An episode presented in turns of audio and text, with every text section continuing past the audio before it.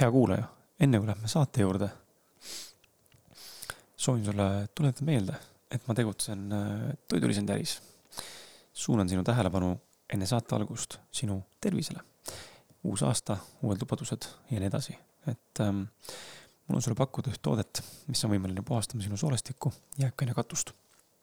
põhjuseid äh,, miks selline soolestikku kattev äh, katt või kiht siin üldse tekib, on tegelikult mitmeid kuid üks peamistest on ebatervislik ja ebateadlik toitumine.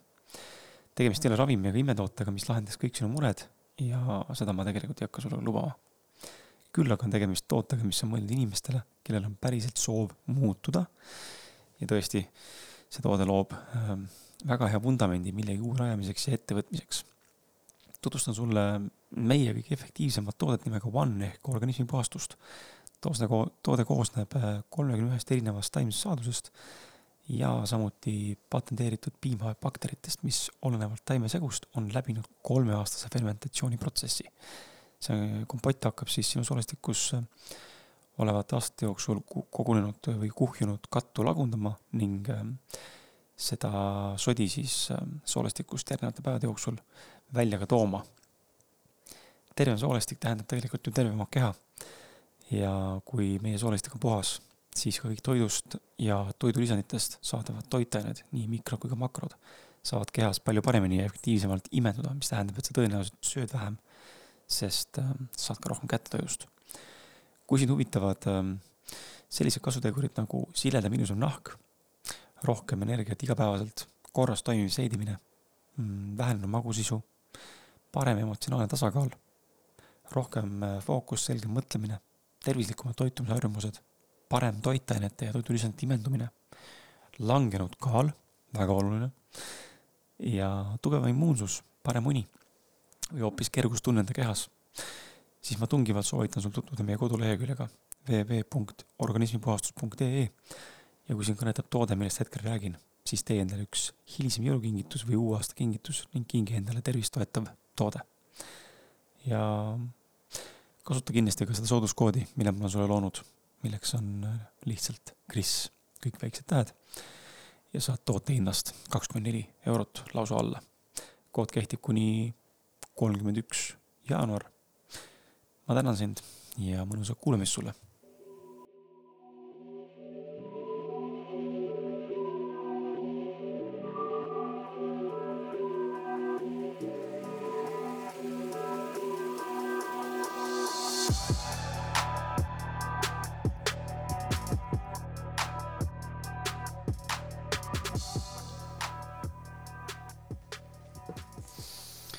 Nonii, äh, tere tulemast kuulama järjekordset äh, episoodi podcast'i maailmast. Äh, mina tervitan sind Kris Kala podcast'i. loomulikult mina olen Kris. kui sa ei tea, kes ma olen, siis jumal tänatud. saad tulla ja hakata kuulama neid podcast'i episoode, mida ma olen salvestanud viimased siin viis aastat erinevate podcast'ide raames. siit kõige rohkem episoodide ja tundide mõttes, nii et anna ka tuld. miks ma tervitan uusi inimesi, eelkõige sellepärast, et iga uus kuulaja või vabandust, külaline toob mulle kindlasti uusi kuulajaid, kes minust midagi varem võib-olla kuulnud ei ole. nii et äh, hakake pihta äh,. ja need, kes juba minust midagi teavad või on viie aasta jooksul siin minuga kaasas ilusti olnud, siis tere tulemast ka teile äh, järjekordsesse episoodi.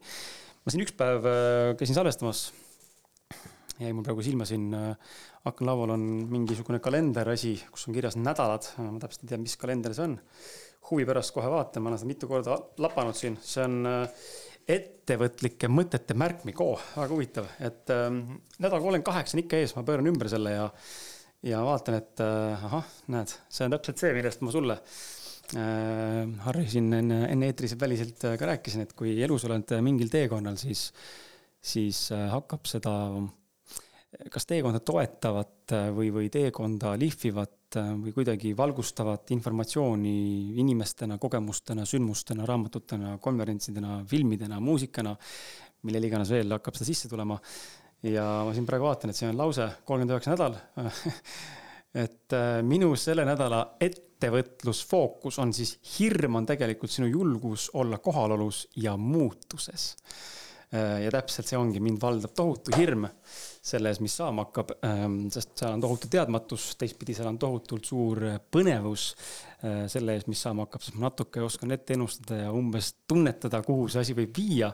mitte ainult meie tänane saade, vaid see, mis minu mm, siin taustaväliselt äh, toimub, millest peagi võib-olla kuu aasta alguses teie head kuulajad ja, ja muud podcaster'id saavad ka kuulda aga äh, nii see on, kas äh, tšau ka sulle muidugi. tšau et äh, tšau ka sulle, et kas sul on ka enda elus, äh, oled märganud seda, et, ähm, et see peab nagu paika, et kui, kui on mingisugune suurem teema õhus äh, individuaalsel isiklikul tasandil, siis elu justkui toob selliseid ähm, mingisuguseid märke või, või guideline'e või algatusi? jaa, ta kindlasti minu enda teekonna koha pealt ma näen just seda, et kui mingi asi nagu hakkab torkima, et kõigepealt nagu tuleb olukord, kus ma tunnen, et ma nagu näitab ennast ja näitab ennast ja ma olen väga pikka aega olnud inimene, kes nagu ignoreerib neid asju ja ta ei taha neid asju näha, aga siis äh, tuleb jälle mingi uus konverents või mingi noh, ongi seminar, et ma kaks tuhat üheksateist, kui ma hakkasin endaga tegelema, siis nagu tuli kogu aeg mingeid asju ette. ja mis väga huvitavaks minu jaoks oli see, et kui ma hakkasin endaga tegelema, siis ma järsku avastasin, et täitsa palju võimalusi on selleks ja siis ma nagu eelmine aasta just mõtlesingi, et kus nad ennem olid miks nad ennem mm. nagu ei eksisteerinud, tänapäeval on, igal pool saab minna erinevatesse meesteringidesse, väelaule, ekstaatseid tantse, kõiki asju, mis nagu mind on väga paljust nagu arendanud nagu emotsionaalse poole pealt. aga kus nad ennem olid? ja siis ma hakkan nagu mõtlema, tegelikult nad ennem ka, lihtsalt mina ei näinud neid mm. -hmm ja selle koha pealt ongi nagu, ma ei ole väga kunagi raamatusõber olnud, aga just nagu erinevate videote või nüüd hiljuti jälle Google suurepärane Youtube recommendation lihtsalt hakkab mingi hetkel näitama mingeid asju, see ongi see, et täpselt, mul on seda vaja mm. -hmm. ja see on nii äge, kuidas see lihtsalt nagu voolab juurde ja lihtsalt kogu aeg nagu kramplikult vaatad, muidugi noh, nende eesmärk on seda vaatama hakata.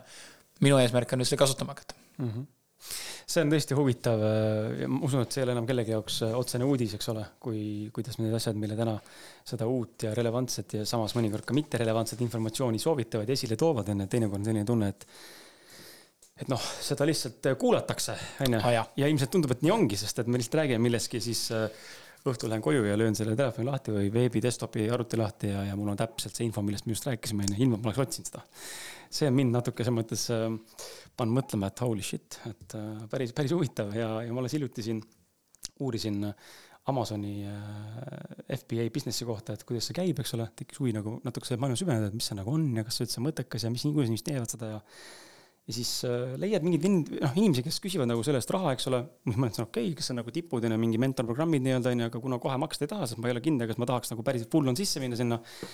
netist leiad mingit suvalist informatsiooni lühikeste videodega ja siis panin mingi aeg käest ära, mõtlesin, et okei okay,, vahet pole, ma tulen tagasi selle juures, ma ei leidnud eriti asjalikku informatsiooni ja siis kuskilt out of nowhere tuleb mingisugune olematu kanal, kus on kuuetunnine video, mis on Amazon FBA nagu explained ja vaatad siis video algust korraks ja siis vaatad kommentaare, inimesed kirjutavad ka, et holy shit, et siin on nagu infot nii palju, mida mitte kuskil tasuta keegi tavaliselt ei anna, et miks sa niimoodi teed, vaata mees. et aitäh mm -hmm. sulle.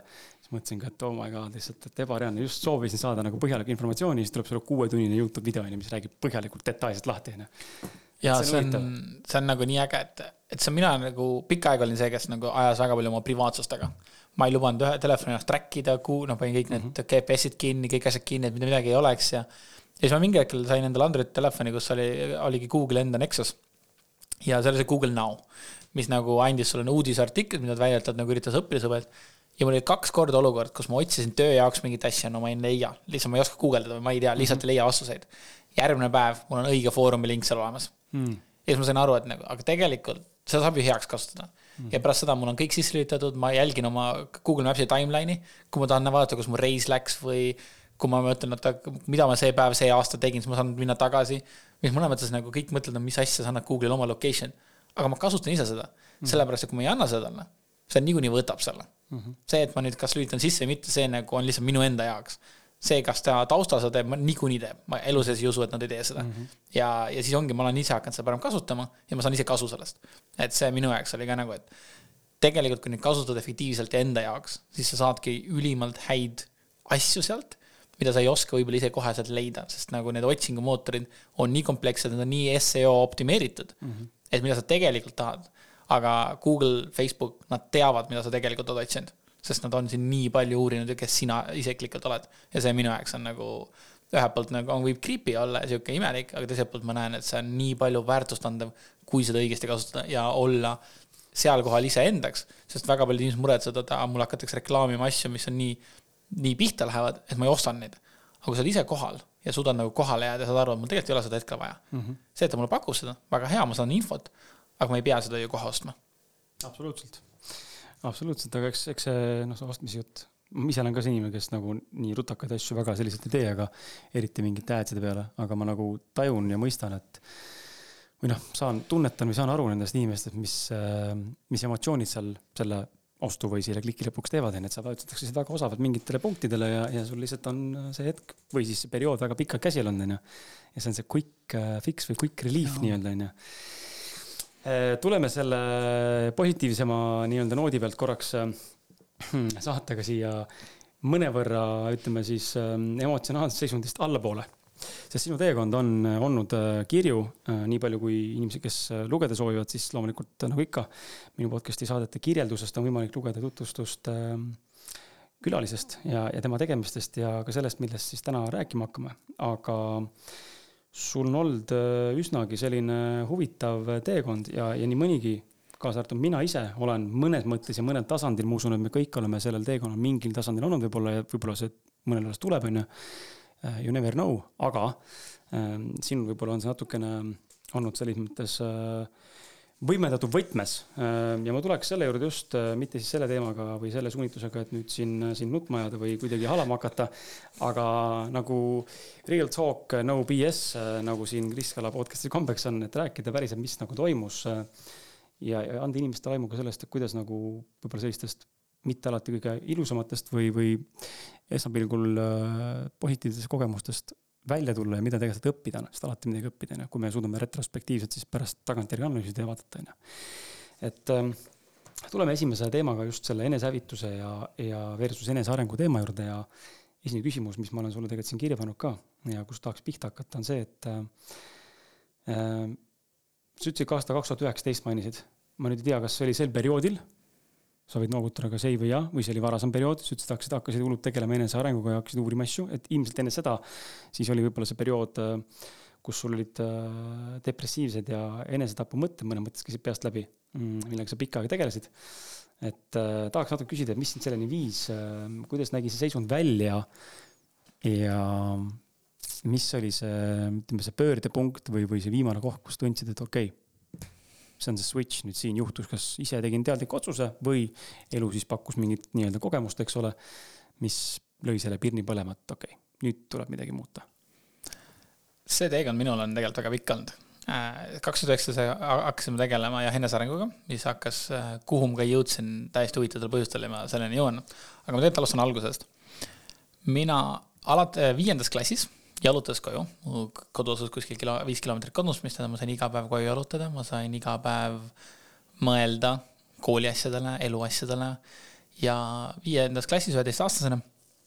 ja tegelikult sealt mul on ka tulnud, et äh, alates sellest hetkest ma ela-, olin elus tänu ühele nimekirjale. sellepärast, et sel hetkel, kui ma jalutasin, olin, ma täpselt päeva ei mäleta, ma mäletan asukohta, kus ma selle koduteel olin. ja ma kõndisin üle väikse künka ja vaatan teed ette ja siis mõtlen, mis sellel kõigel mõtet on mm. -hmm. sellepärast, et ma ei olnud koolis populaarne, äh, mul ei olnud sõpru, äh, ma elasin koolist eemal, mis tähendab, pärast kooli ma läksin otse koju.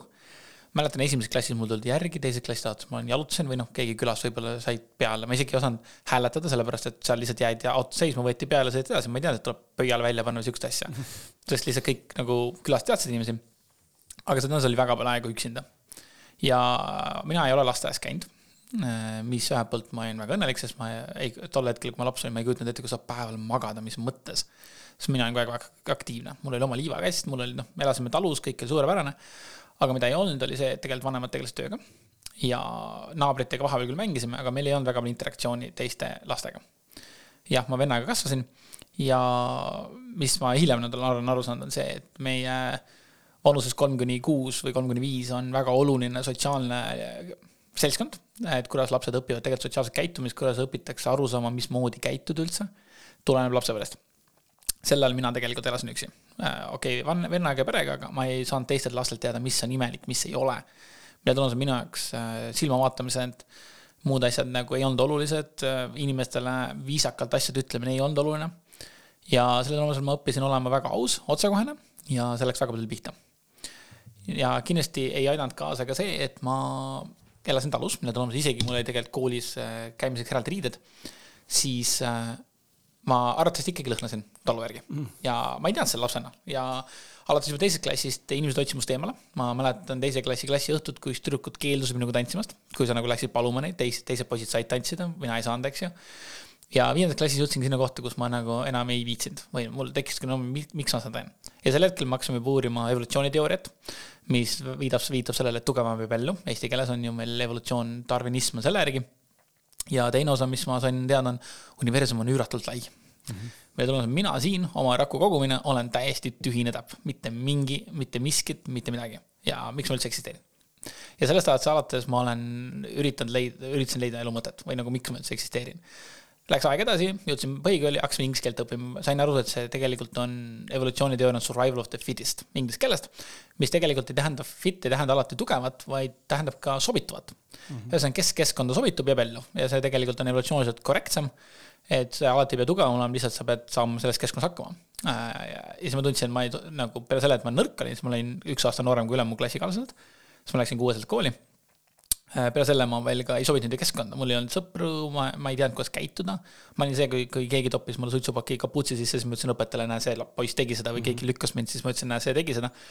ma mäletan isegi põhikoolis seda olukorda, kui üks, vist kaks korda jäänud minust siis kolm aastat vanem poiss jälle nügis mind. ma tõmbasin lihtsalt tal, haarasin tast kinni, tõmbasin ta sviitri luku pooleks ja siis õpetaja kõnnib mööda ja siis ta ütleb, näe, vaata, mis Harri tegi. siis ma ütlen, siis õpetaja ütleb, no jaa, esimene, kes sulle vastu hakkab, sa oled kohe kittuma, eks ju ja noh, järgmised kaks päeva ma sain rohkem peksa, aga, aga see kooli kiusamine, see nagu põhikoolis oli päris piisav tegevus minu jaoks, et. aga ma ei olnud kunagi mingite tegudeni, mul oli kogu aeg mõtted, et miks ma eksisteerin, ma ei tahaks eksisteerida. aga nagu ma mainisin, mul oli nimekiri, mis hoidis mind elus, need kaheksateist aastat kuni äh, üheteistkümnest kuni kahekümne üheksa aastani seal nimekirjas oli nimed inimestest, kelle pärast ma olin elus mm.. sellepärast, et mina ei suutnud kujutada ette olukorda, et mu vanemad äh, saavad teada, et nende poeg ta venestab mm. -hmm. ma ei suutnud neile seda olukorda tekitada. mis tähendas, et ma hakkasin otsima õnnetusi. ja äh, huvitav on see, et äh, noh, muidugi tagantjärgi olen saanud aru, et mu universum ja kõik on mind hoidnud ja mul on nagu, olen kartnud koeri, eks ju, olen kartnud kõrgust.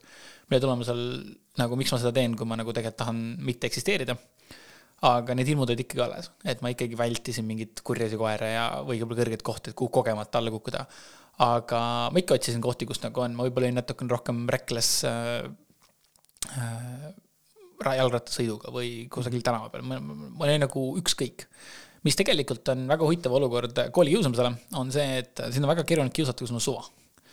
sest kõige hullem, mida nad mulle teha oleks saanud, oleks see, et nad oleks, oleks ma surma saanud. Ja ma oleks ikka väga õnnelik siis olnud, sest nemad oleks siis seda teinud, mitte mina ise. Ja ne, nemad oleks süüdi jäänud, mu vanemad oleks kurvad olnud, ma saan aru aga nad ei oleks iseennast süüdistanud selles mm. -hmm. Nad võib-olla oleks nagu mõelnud, kurat, nad ei märganud mind kiusati või sihukest asja ja noh, ema on ka seda öelnud mulle, et ta, et ta ei teadnud seda. isa mingil määral aimas, kui see nüüd mingi, ma ei tea, viis aastat tagasi välja tuli, mind kiusati, siis ema oli väga üllatunud selle peale, et miks ma ei rääkinud. no sa ei räägi sihukest asja kodus ju mm. -hmm. ja aga, aga minul oli õige mõte see, et kõige hullem, mida nad teada saavad, on see ja siis ma oleksin nii õnnelik lihtsalt. see, selle tulemusel oli väga lihtne kooli kiusamist nagu ignoreerida mõnes mõttes või, või õigemini ma ei lasknud ennast muuta sellel sest mul ei olnud vaja muutuda nende sarnaseks, mul ei olnud vaja sobituda sinna sisse mm, -hmm. sest ma lihtsalt ei saanudki aru, miks nii nõme saab inimene olla või nagu, mis see point on selle juures.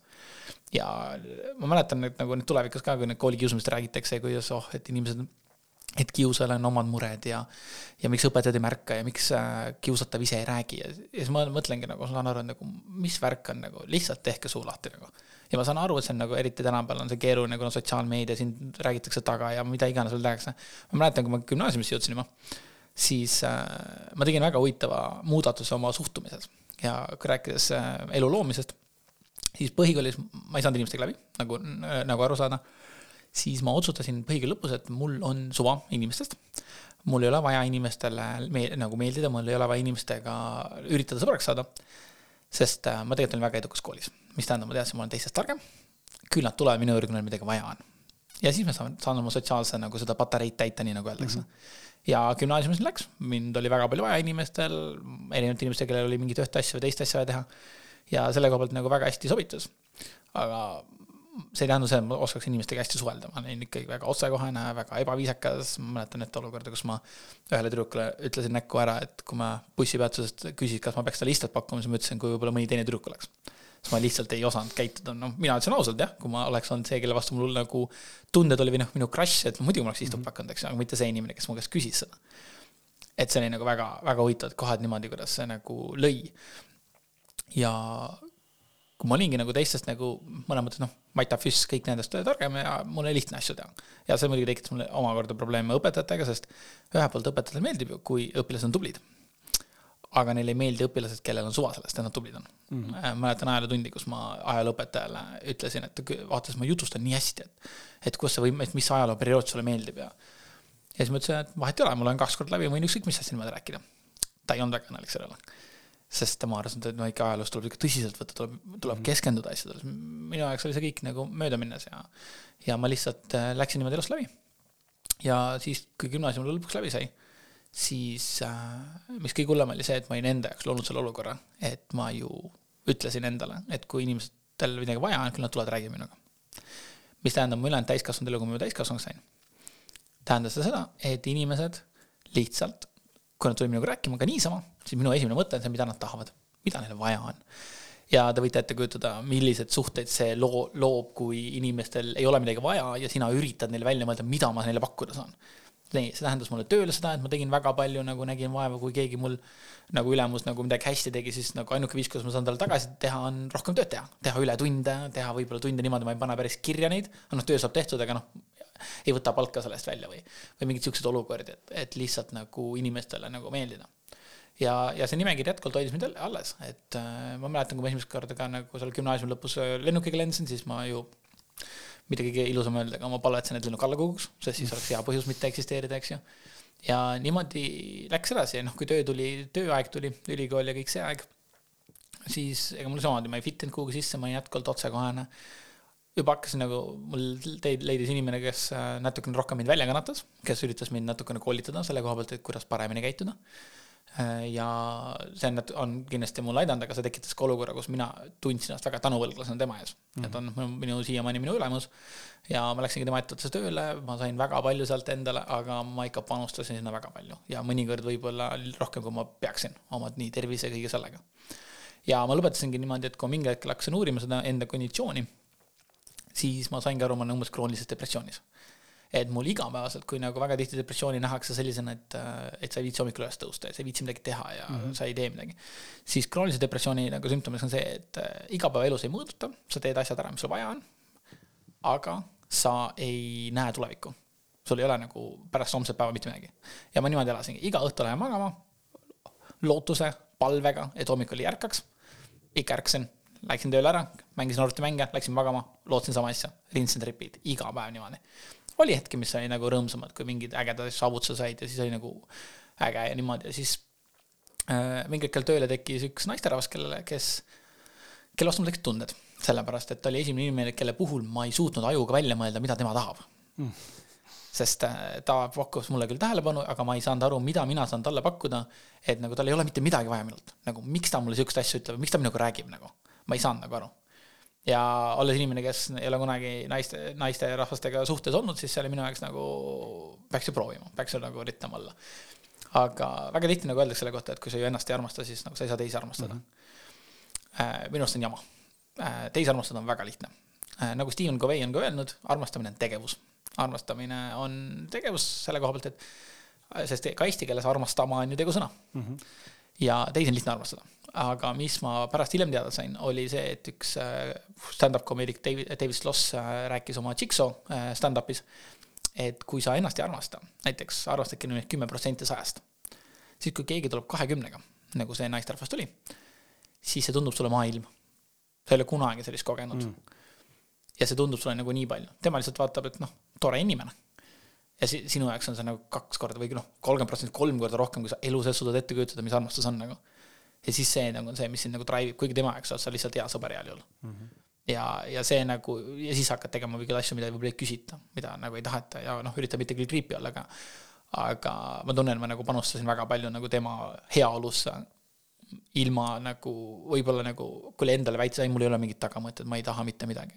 aga tegelikult sisimas sa loodad, sisimas sa ikkagi igatsed ja tahad ja, ja siis loodad ja siis, siis sa lisadki selle nime sinna nimekirja, et siis peale isa, ema ja on seal ka selline tüdruksõber nüüd seal nimekirjas, et kelle pärast eksisteerida, et, et nii kaua, ja siis mul oli kogu aeg teadmine, nii kaua kui nemad elavad, siis ma ei saa enesetappu teha. sest no ma, ma ei saa neile tekitada seda olukorda, et, et mind ei ole. ja, ja niimoodi läks edasi kuni siis kaks tuhat üheksateist, täpsemalt siis kaks tuhat kaheksateist aasta lõpus, tuli sellesama naise sõbranna minu juurde, et kas ma ei taha talle ühiskinki teha, et saata Tony Robbins UPV-le Londonisse kaks tuhat üheksateist kevadel ja ma ütlesin, muidugi võin kinkida, täiesti vabalt, et ma võin raha pakkuda ja ma isegi lõpuks ostsin need piletid ära, sellepärast et mul oli vaba raha nagu seda teha, sest kui sa hullult tööd teed, siis sul ja midagi muud elu ei ole, siis tekib natuke raha. ja siis ma otsustasin, et ma, et jah, et kui nii kaua, kui neid sünnipäevarahasid kokku kogutakse, et ma võin need piletid välja osta, et pärast makstakse mulle tagasi asi korras, eks. ja siis oli see, et aga äkki tahad kaasa minna? Äkki tahad nagu koos minna, et nagu, et ta ei peaks üksi minema, siis mõtlesin, oh, milline võimalus. ja siis ma võtsin selle vastu ja siis kaks päeva hiljem tuli teada, et aa, see, nende, tema äh, laste isa tahab ikkagi suhet päästa, kuigi nad olid juba lahus pool aastat. et ta tuleb temaga kaasa UPV-le mm.. ja siis on see, mida ma nüüd teen. mida ma nüüd nagu, mis ma, mis ma sinna lähen nagu, mis mõttega.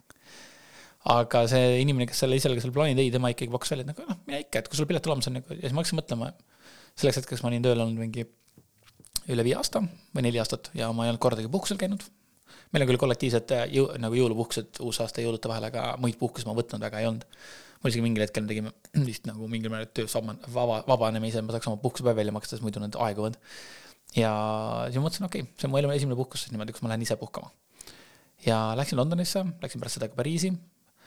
ja nautisin lihtsalt nagu seda puhkusena ja see oli minu esimene nagu eneseareng ja see tundus nagu sihuke, et nagu midagi juba toimus, aga samas tundus täiesti nagu, mis mõttega ma seda teen mis nagu see, see, see ei toimi ju, see siuksed asjad nagu, nagu kes äh, Tony Robbinsit teab või on UPV-s kuulnud, siis see on mingi hüppad, hüppad käed, käed üles-alla ja karjud ja mida iganes, et nagu mis mõttes on loll, aga ma mõtlesin, oh ma teen kaasa.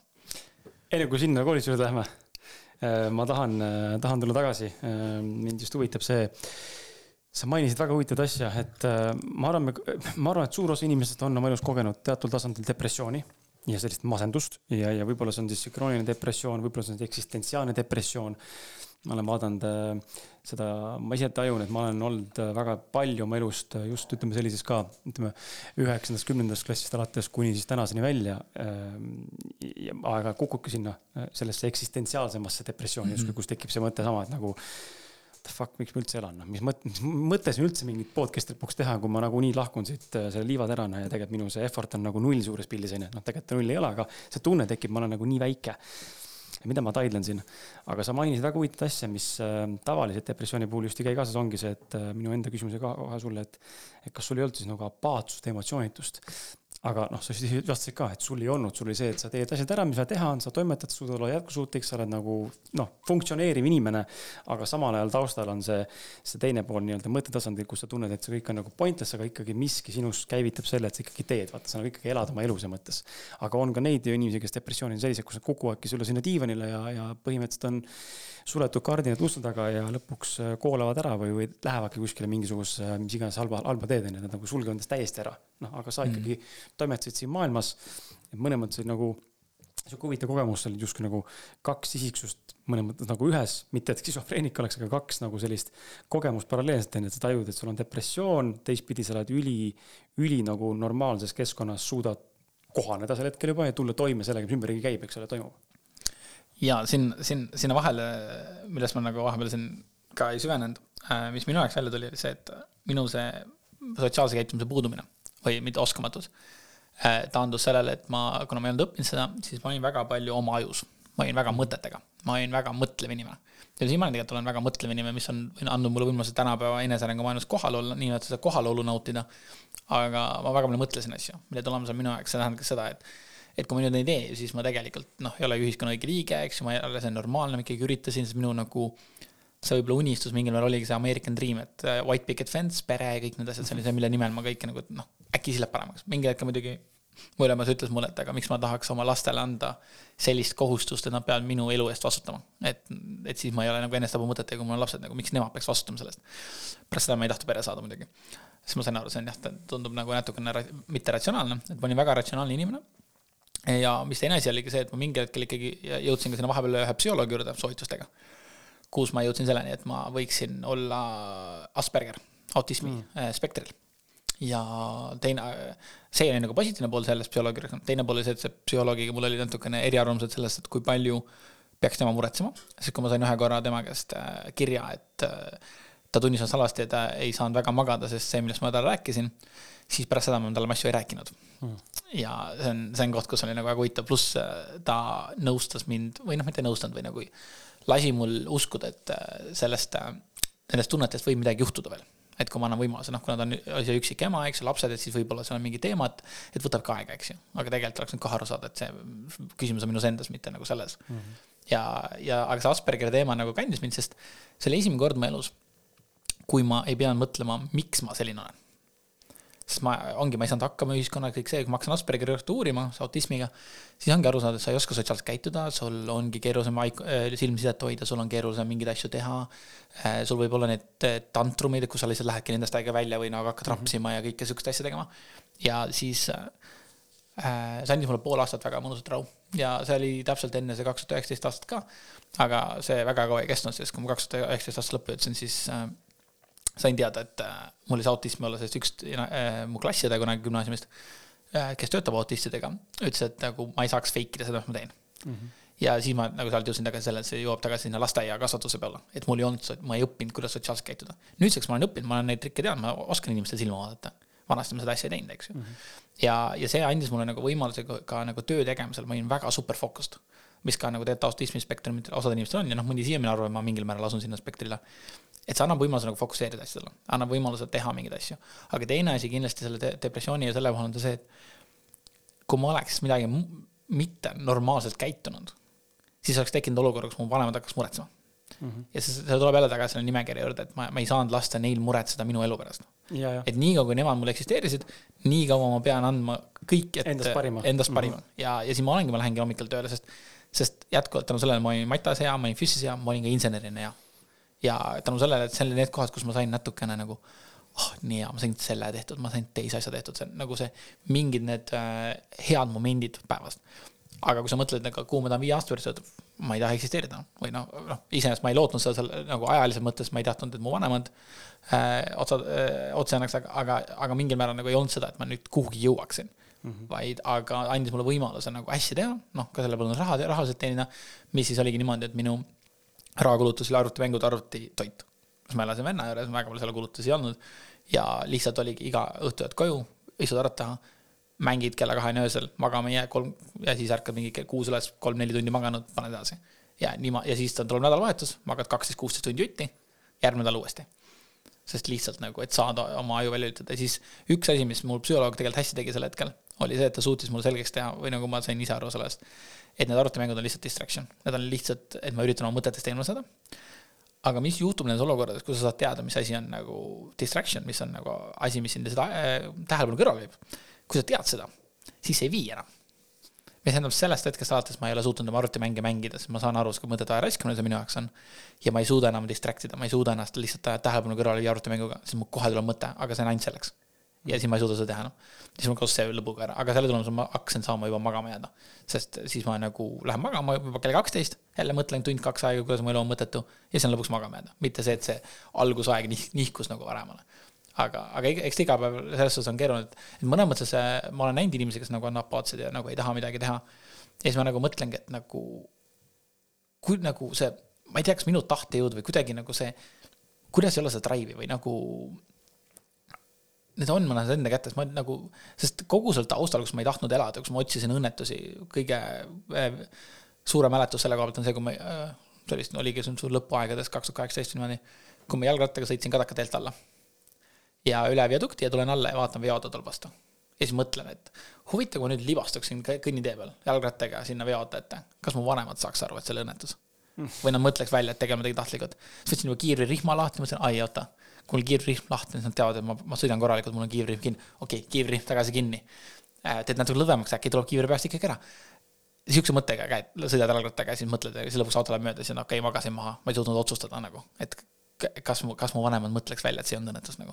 et, et sihukeste mõtetega nagu konstantselt tegeleda see oli nagu väga suur nagu effort, aga samal ajal ma otsisin võimalusi, kuidas eksisteerida mm -hmm.. noh, seesama, see unistus, et mul on kunagi pere ja kõik need asjad, ma ikkagi üritasin, aga ma lihtsalt ei uskunud, see võimalik on mm. -hmm. päris huvitav, see on sihuke huvitav, huvitav kombo, ma ei olegi vist kohanud äh, veel ühtegi inimest, kes äh, kes oleks kogenud, mida sina oled nagu kogenud või mida sa tänaseni mõnes mõttes äh, koged, eks ole, selleni jõuame ka, kui palju sellest mineviku harjust on täna nagu alles, on ju, ja, ja kuidas see mööda on läinud, ilmselt seesama enesearengu teekond, alustades Robinsist, on üks nendest sammudest, aga enne kui sinna lähme veel ähm,, tahtsin ma, see töötunnid ja puhkus mitte väljavõtmine, mul endal on äh, sama, sama teema, et äh, nii palju, kui ma olen varasemalt eelnevatel perioodidel tööl käinud, siis äh, ma võisin ka aastaid panna niimoodi, et ma ei võtnud välja ja ma ei ole tundnud mitte kunagi vajadust puhkuse järele nagu sellisel viisil, et nüüd ma vajan nagu puhkust.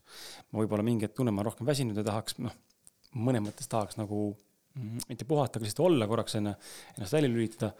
Aga mul ei ole kordagi tekkinud mõtet, oh, nüüd võtaks puhkuse läheks puhkaks lihtsalt kuskil.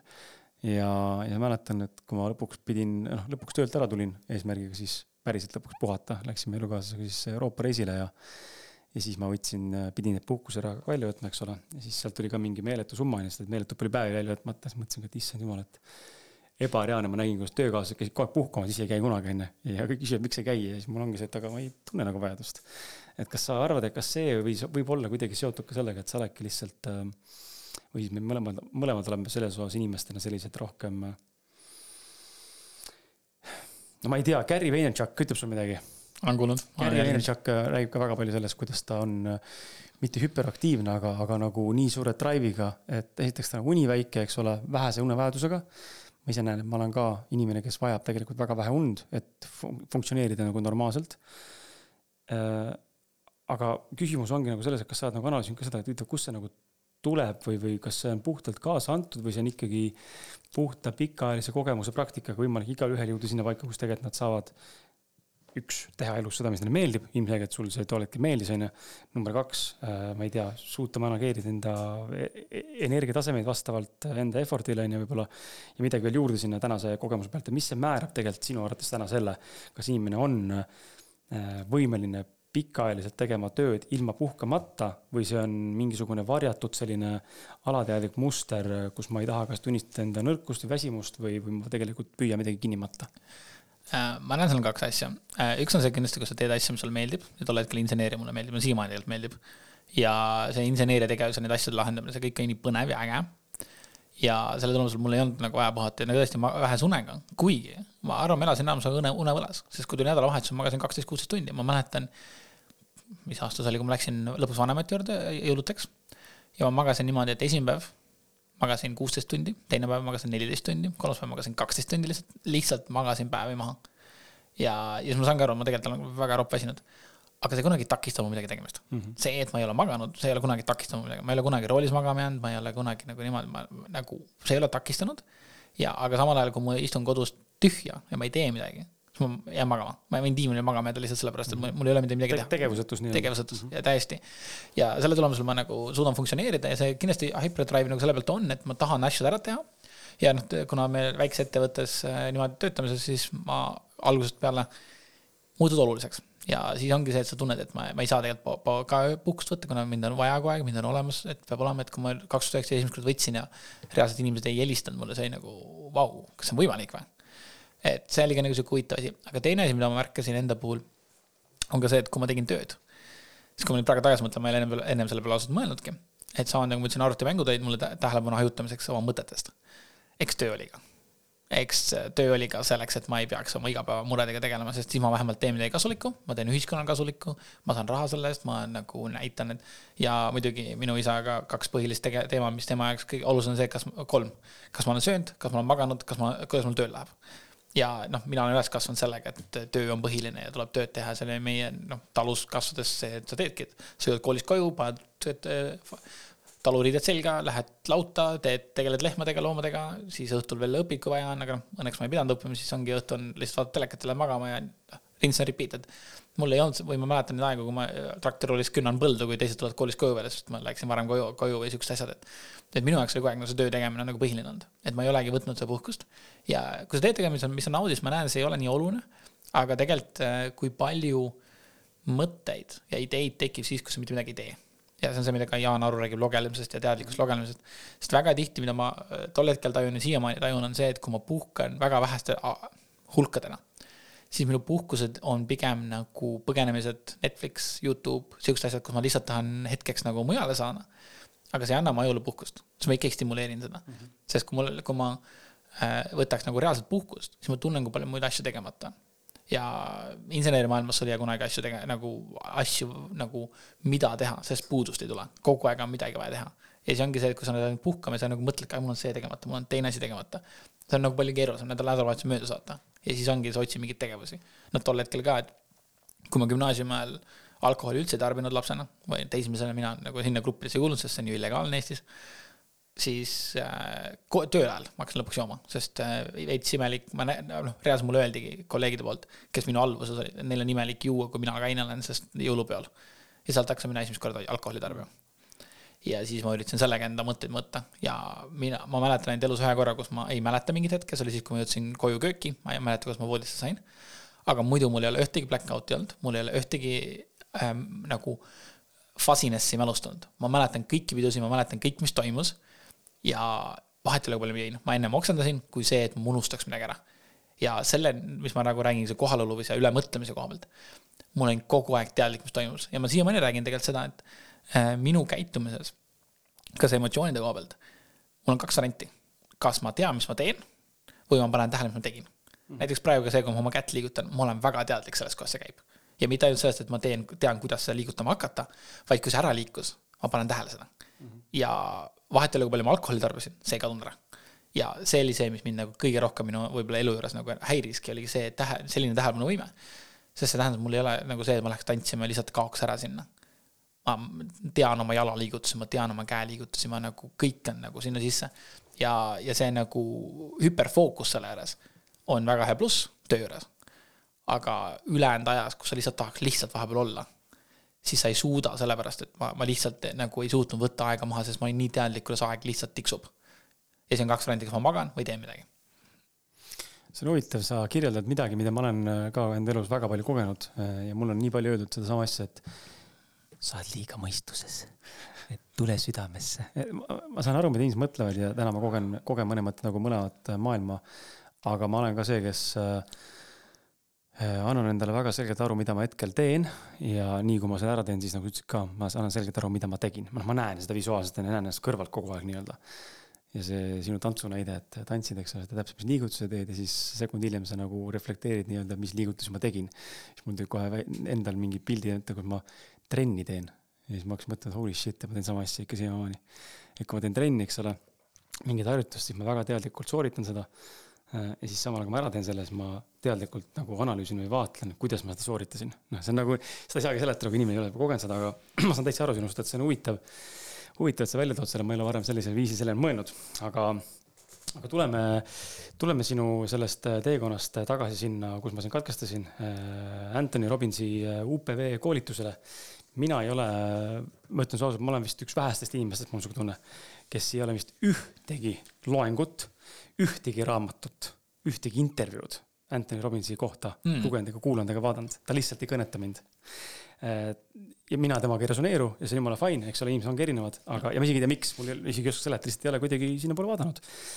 ma, aga räägi äh, sellest samast koolitusest, äh, mis sa seal õppisid, mis, kas seda võib nimetada esimeseks selliseks suuremaks enesearengu tee plahvatus verstapostiks, kus sul hakkas sul siis nagu mingisugune uus pall veerema et sa läbi juhuse sinna nii-öelda mõnes mõttes sattusid äh, või siis olude sunnil, eks ole, justkui selle naise partner tuli ka kaasa, onju.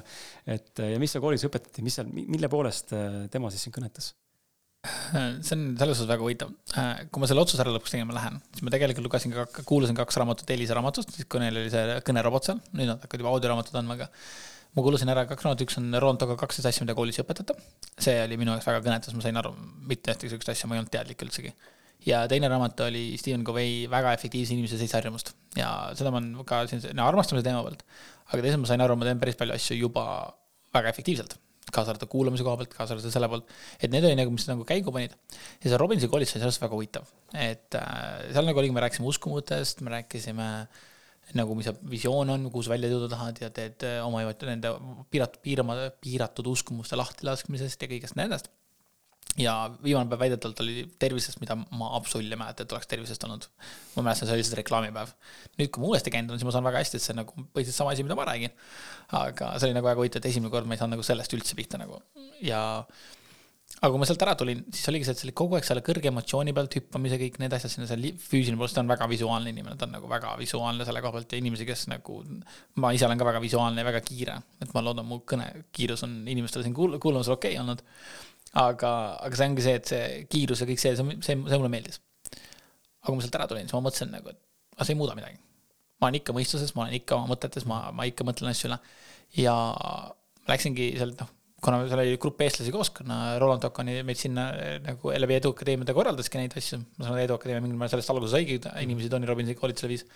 ja siis küsin esimese kindlasti, et kas sul oli? ja siis ta rääkis, oo jaa, et väga hea, siis ma ütlesin, jah, mind väga ei kõneta, ma ei saagi nagu aru, et kas midagi muutunud on. ja siis ta läks minema. aga siis ma sattusin teise naisterahva otsa, kes äh, oli intriiged sellest, et ma ütlesin mm, -hmm. ma nagu midagi ei saanud ja ta oli muidugi huvitav, ta oli selles suhtes huvitav, et ta kasutas sõnavara, mis tekitas küsimusi, et kuidas ta ennast identifitseerib ja, ja kõiki muid asju ja see oli nagu väga huvitav. ja kuna mina nagu väga nagu panen, ma, mind üllatas, ma panin tähele seda, sest ma mäletan seda, et ta mingil hetkel läksime õhtu, läksime koos eestlastega kõik õhtusöögile. ja siis ütles laua taga, et jaa, ta töötab lennunduses.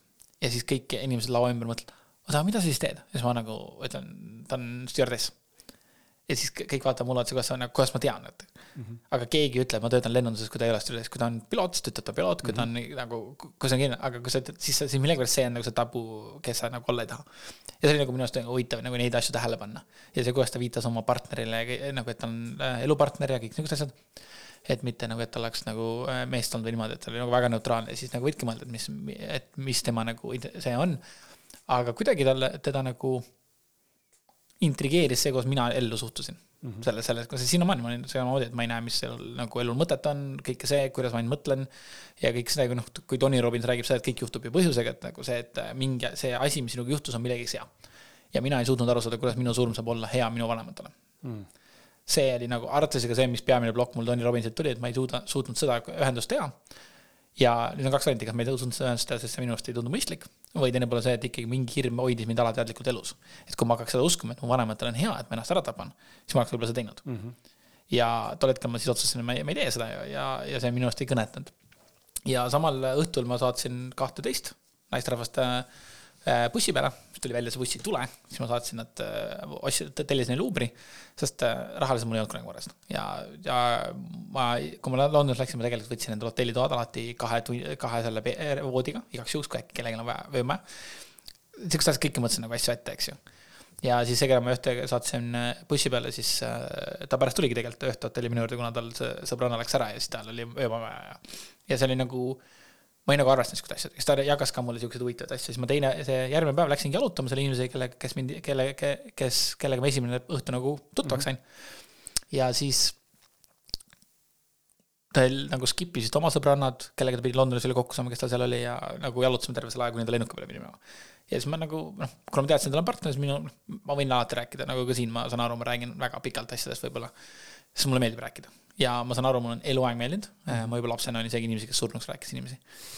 Äh, ja siis, äh, ja see teine naisterahvas, siis ma, et ka pärast rääkisime, ta rääkis oma nagu elulugu, siis ma mõtlen, miks ta mulle sihukest asja räägib. nagu, kuidas ta mind usaldab sihukeste asjadega, jälle sa hakkad kohe mõtlema sedasama asi, see kakskümmend protsenti teemat, et. ja, aga õnneks tema oli piisavalt tark, et ta sai aru minu arusaamatusest ja minu mõtetest äkki on siin mingid tunded. ta tegi mulle selle väga kiiresti selgeks, et siin ei ole mitte midagi et oli väga otsekohene. et see, kes mul töökaaslane oli, tema nagu ei olnud minuga otsekohene. ei tõmmanud piire nii-öelda enda jaoks? jah, ei tõmmanud piire, vaid pigem oli nagu isegi kui ma üks õhtu koju läksin, siis ta ütles, et ta, tema lause oli see, et kui ei oleks lapsi, siis ta, siis oleks lihtsam vastata mulle mm.. mis minu mõttes tähendas seda, ta laste pärast ei taha mulle jah öelda yeah.. aga tegelikult tuli, tuli välja, et ta ei tahtnud laste pärast mulle ei öelda. sellepärast, et ta, talle arvatavasti alateadlikult sobis minu tugi, sest ma aitasin tal, kui ta oma korteri hankis ja kõik need, ma nagu olen ta toetanud eri, eri, erineval viisil nii transpordi mõttes ma olen olnud see, kellel ta on kell neli öösel helistanud, äh, kui tema sel hetkel, kui ta isegi oma last isaga koos elas, kes ta koju viiks. et, et seal on nagu väga, väga huvitavad nagu olukorrad. ja siis hakkas teine naine, tema kohe pani piirid paika. aga mul oli inimene, kellega lõpuks rääkima hakata. ja siis me hakkasime seda Tony Robbinsi asju rääkima ja siis need kaks naisterahvast, keda ma siis UPV-l kohtasin, nemad aitasid minu enesearengule väga palju kaasa selle koha pealt. et, et areneda selle koha pealt, et kuidas esiteks inimestega suhelda, et, et sa ei pea kõiki kohe välja ütlema. Samamoodi suhtlemise koha pealt, sest selleks hetkeks ma olin teadmisega, et mul on Asperger, et ma olen autist ja mis muidugi tuli kohe välja, et nagu miks ma endale sildi külge panen, kas ma lihtsalt peidan ennast selle taga, kas see on lihtsalt vabandus minu käitumisele, mis oli ülimalt lihtne ju, et noh, ma olengi selline, ma olen autist, eks ju. on inimesi, kes on sellised. ja ka väga tihti on see, et kas see peab sind defineerima, kas see mhm. peab olema see, mille taha sa ennast peidad. Ja eriti need, kes on Aspergeri poole ja eye functioning autismi alla lähevad, et kõrgelt funktsioneerivatele, siis nende puhul see ei pruugi alati kasulik olla, seda silti omada. ja mina saan aru, et tagantjärgi mul oli hea, et see oli, mul oli hetkeks elus koht, kus ma sain, kus ma ei pidanud küsima enda käest, miks ma selline olen mm. -hmm. aga ma saan ka aru see, et kui see oleks sinna, kui ma oleks sinna kinni jäänud, siis see ei oleks mind päästnud. ja nüüd läkski edasi, kuni me jõudsime nüüd sügisesse, siis seesama naisterahvas, kellel oli küll elupartner äh,, avaldas armastust minu vastu. Ja ma lõ-, sattusin temaga suhtesse. või noh, ma olin nõus sellega, sest minu jaoks oli nagu oh, suhe, jess, keegi, kes armastab mind mm. -hmm ja see oli nagu avatud suhe, et, et kõik olid nagu teadlikud, see ei olnud see, et ma nagu tarmuka oleks, vaid nagu, sest sel hetkel ka Eestis oli rohkem levima hakanud see avatud suhte teema, siis äh, siin äh, tol hetkel äh Mar-, Marlen Annabel rääkis sellest mm -hmm. mingil määral ja siis see nagu muutus natukene teemaks. Ja see oli nagu huvitav algus ja väga tore oli algul, sest ta tuli, lõpetas ka oma stjuardessi töö ära, siis tuli rohkem vaba aega, ta sai mõlemaga aega veeta, kõike seda. ja aga ta mingi hetk leidis töö endale ja siis ma avastasin, ma ei ole prioriteetides niimoodi, et ma oleks nagu kolmas, et noh, tema, ta teine mees ja mina, vaid seal oli kõik muud vahe, asjad veel vahel. ja siis äh, see suhe lõppeski kakskümmend kolm detsember tol, tol aastal. mis oli muidugi väga huvitav aeg, sest ma, me vahetasime veel kinke, mul ema isegi õmbles talle ka äh, siukse poncho ja väga huvitav nagu suhte lõpp selle koha pealt. ja siis ma olin nagu täielikult augus aga selle käigus, äh, kui ma olin nendega inimestega suhelnud, siis ma olin sattunud äh, seminari lindistust kuulama Peter Ju mm. -hmm siis selle teise sõbrana, keda ma siis host isin vahepeal ja kes oli väga kindel piiridega, mille tulemusel temal oli lihtne mulle niinimetatud panni kanda. sellepärast, et ta pani mind väga konkreetselt asjadega paika. ja see andis mulle võimaluse nagu ennast arendada. Ja Peter Juul oli väga huvitav dünaamika, oli Robin Sharma ja oli Erik Edmits mm. -hmm. ja ma arvan, kõik, kes seda konverentsi käisid äh,, said aru, et Erik Edmits on mäekõrguselt teistest esindajatest üle, seal eriti, ja mille tulemusel ma hakkasin seda järgima ja selle teise sõbrannaga me ostsime siis ka piletid tema Quantum Shift Experience'ile, mis pidi aprillis toimuma, et kus on nagu Eeriku enda sündmus. ja sellega kaasnes Better You Membership, mida siis äh, Roland ja Eerik koos tegema hakkasid. Ja kui ma olingi see kui see suhe siis kaks tuhat üheksateist detsember äh, osad andis, siis ma nagu sain aru, et see, see UPV oli täiesti mõttetu, ma olen täiesti täpselt samas augus, ma olen täpselt sama mõte, nagu ebaoluline, ma tahaksin mitte eksisteerida. ja siis läks kuu aega iga päev mõtlemist, kuidas hommikul ei taha ärgata sööd igasugust rämpstoitu, jama, ma selleks ajaks olin kohvist küll loobunud, sellepärast et UPV-l, sellel hotellis oli jube kohv. ja UPV-l üks asi jäi mulle külge, et kui sa tahad midagi ära lõpetada, siis lõpeta nullini. Sest kui sa jätad ühe kohvi endale päevas alles mm, -hmm. siis sa kogu aeg mõtled, milline see esimene on, kas see on kohe hommikul, ei ma teen lõuna ajal, äkki ma, siis kogu aeg mõtled selle peale. lihtsalt, ma ei joonud üldse kohvi, jah, ma jõin mingit nagu kofeiini või siukest asja, aga nagu igapäevaselt kontoris enam ei joonud. mis tähendab, läksin kolmteist asja kohvi pealt nulli peale. ma hakkasin küll teed jooma, sellepärast et ma, ma ei joonud kohvi kohvi pärast, vaid hiljem tuli välja, et see oli minu jaoks pausi võtmine mm.. mul oli vaja tööst vahepeal pausi võtta, sest nagu sa ei suuda kogu aeg arutega olla. Ja siis ma võtsin endale pause sellega, sest minule õpetati lapsepõlves, et on suitsupaus, kohvipaus või lõunapaus. rohkem pause ei ole. hingetõmbepause, sihukest asja nagu ei eksisteerinud minu jaoks. ja siis oligi, et terve see kaks tuhat kakskümmend jaanuar ma nagu aeg mõtlesin, miks ma üldse eksisteerin, ma ei taha ja kõiki neid asju. siis tuligi see äh, David Slossi jama, siis ma sain teada sellest, et, et miks see armastamine sellisel kujul ei ole kõige mõistlikum ja siis ma olin nagu täiesti augus, sest ma isegi sain aru, et see, kelle vastu mul tund oli, siis noh, ta oli ka vahepeal jälle oma selle lastega koos, siis ta oli eemal, laht-, lahus jälle nendega. aga siis ma sain tänu sellele stand-up komeedi-, komeedikule sain aru, et aa, tema mind tegelikult ei armasta. jah, ta on selle kahekümne kolme protsendi juures mm, -hmm. aga mina olen kümne juures. ja tegelikult mina nagu sadan ju nii palju kaugele, mida ma tegelikult soovin suhtest. ja siis see Peter ju hakkas pihta, jaanuari iga kuu oli nagu üks masterclass ja esimene oli Eerikuga, tervis, energia. Ja siis ma mõtlesin selle peale, et hmm, ma elan väga self, self-destructive'lt, ma ei maga, energiajoogid, rämpstoit, mingil hetkel oli kuskil nagu viis McDonaldsit päevas ja umbes selles stiilis nagu läks mu elu. ja mitte päevas, nädalas. ja siis, oh ma lähen, et noh, kuulan ära. ja seal ta promos äh, ka Wildfiti mm. kui head võimalust oma toidumuredega lahendust saada, siis ma sain aru, et, et ma pean midagi oma füüsilise kehaga tegema, et eksisteeriks veel minu vanemate jaoks ja noh, nimekirjas olevate inimeste jaoks, sest vahepeal see, kellega ma suhtes olin, ma panin temaga nimekirja, siis mul oli neli inimest nimekirjas. ja siis ma tõmbasin tema maha ja siis mul jäi see ikkagi see töökaaslane, kelle vastu mul tunded olid. ja siis äh, pärast seda oli nagu, oli ikkagi nagu inimesi ja ma ütlesin ka talle veel, et ma lähen sinna programmi. et minu füüsiline keha saaks eksisteerida, selleks teda toetada, sest sel hetkel ma toetasin tema äh, korterisse kolimist, et ta saaks -hmm. uuesti laste juurest ära kolida ja ta vahepeal Äh, mingil hetkel nagu oli tal, kolis, kolis nagu kolis kokku, siis kolis mees välja, siis mingil hetkel oli nagu siis ma nagu, et, et selleks, et ma tema jaoks olemas olen, ma lähen teen Wildfeti, et mu mhm. füüsiline keha eksisteeriks. ma sattusin kohe meditatsiooniprogrammi peale ja ma arvan, see kombinatsioon nendest, mis viiski selle minu enesearengu selle kohani, kus nagu tegelikult ma jälle kordselt läksin Wildfeti tegelikult teistel põhjustel kui enda jaoks mm. -hmm. ja kolm kuud hiljem ma olin õnnelik, ilma et mul oleks selleks põhjust ma ei suutnud leida nagu, kui enne seda jah, kui ma siin neli kuud suhtes olin, ma olin nagu jess, lõpuks ometi või siuksed asjad. aga seal oli need hetked, kui ma temaga koos olin. see ei muutunud minu elu väljavaadet, pluss noh, ma ei saanud aru, kas see avatud suhe hakkab tulevikus toimima või noh mm -hmm., ma ei suutnud seda compute ida. aga pärast Wildfiti ma lihtsalt nautisin elu. ja, ja, ja noh, ma olengi tagant analüüsinud, siis tegelikult minu nagu väga palju minu olukorrast oli tingitud halvast toidust halvast elustiilist ja kõik sellega, mis selle koos käib. kõik need energiajoogid oma rämpsuga, mis seal sees on, samamoodi kohvi joomised, siis kui ma läksin tee peale, ega ma jõin ikka kofeiiniga teed mm, -hmm. et see kofeiin ikka oli seal sees, mis tähendab, ma ei saa korralikult magada, ma ei saa sügavalt välja puhata. kõik need asjad, kui palju see mõjutab meie ajukeemiat, ajutegevust kaasa arvatud see tänapäeval, mis on ka väga populaarseks tänapäeval, mis on õnneks teemaks tulnud, on see meie mikrobioom, mis mhm. meil kõhus toimub, kui palju see mõjutab meie neid hormoone. sest kõik oksüdo- äh,, serotoniin ja need kõik valmistatakse meie kõhus mm -hmm. ja siis nad lähevad meile aiu. et kui palju nad on omavahel seotud. ja oligi, ma kolm kuud olin tegelenud oma toitumisega ja selle psühholoogiaga selle juures. ma olin esimest korda õnnelik, ma vabastasin üle kümne kilo, sellest tegelikult ainult kuus oli rasv, sest ülejäänud neli oli lihtsalt mingi junk, mis on mu kehas kinni. seesama teema, mis me oleme ka nagu rääkinud Zen Cleanse'i ja mm -hmm. muude detox ja puhastusasjadega, kui palju tegelikult meil on jampsi kehas kinni nagu. lihtsalt me ei pane tähele seda. ja, ja siis oligi see, et ma ka vaimselt tulin sealt välja ja siis oligi esimest korda, ma nagu vaatan, et vau wow. ma sain hingata lõpuks, ma magasin terve selle viimased, ma ei tea, mitu aastat. ma tegelikult iga õhtu magasin plaastriga. et kui keegi on Aleksi Hormoosit näinud, tal on ka plaaster kogu aeg nina mhm. pealt, et hingata. siis mina iga õhtu pidin selle peale panema, sest muidu ma ei saa hommikul äh, hingata. mis see mõte on? Äh, ta tõmbab ninasõõrmed lahti, sest äh, kui sa hingad hästi tugevalt sisse, sa tunned, kuidas see koht läheb kokku, ninapealne. ja kui sa sellega väga tugevalt sisse hingad, siis see tõmbab kokku ja paneb nina, nina kinni ja sa ei saagi hingata.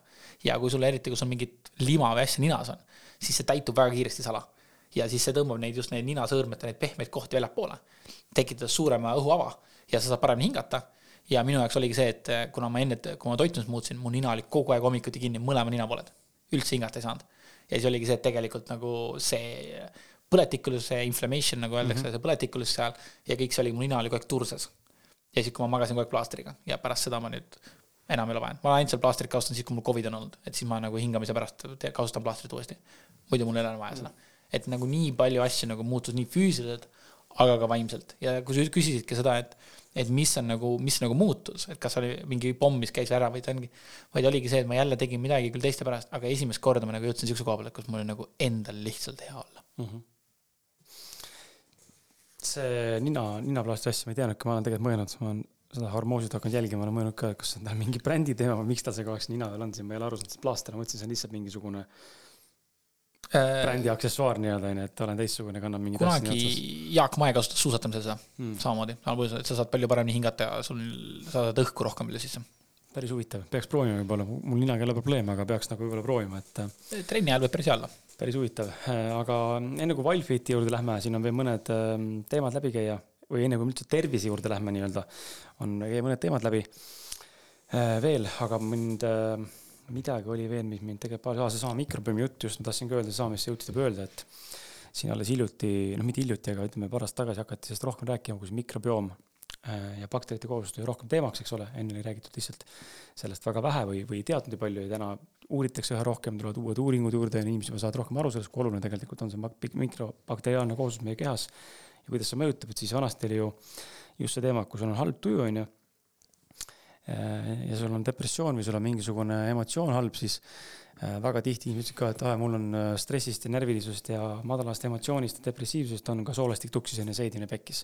noh, täna on nagu teadus näidanud selgelt, et see on ka vastupidine liiklus, et ta on nagu ühe, ühtepidi ja teistpidi, on ju, et äh, need mikrobiomi bakterid, triljonid, kes seal meil sees elavad, siin dikteerivad ka meie tujusid ja emotsioone.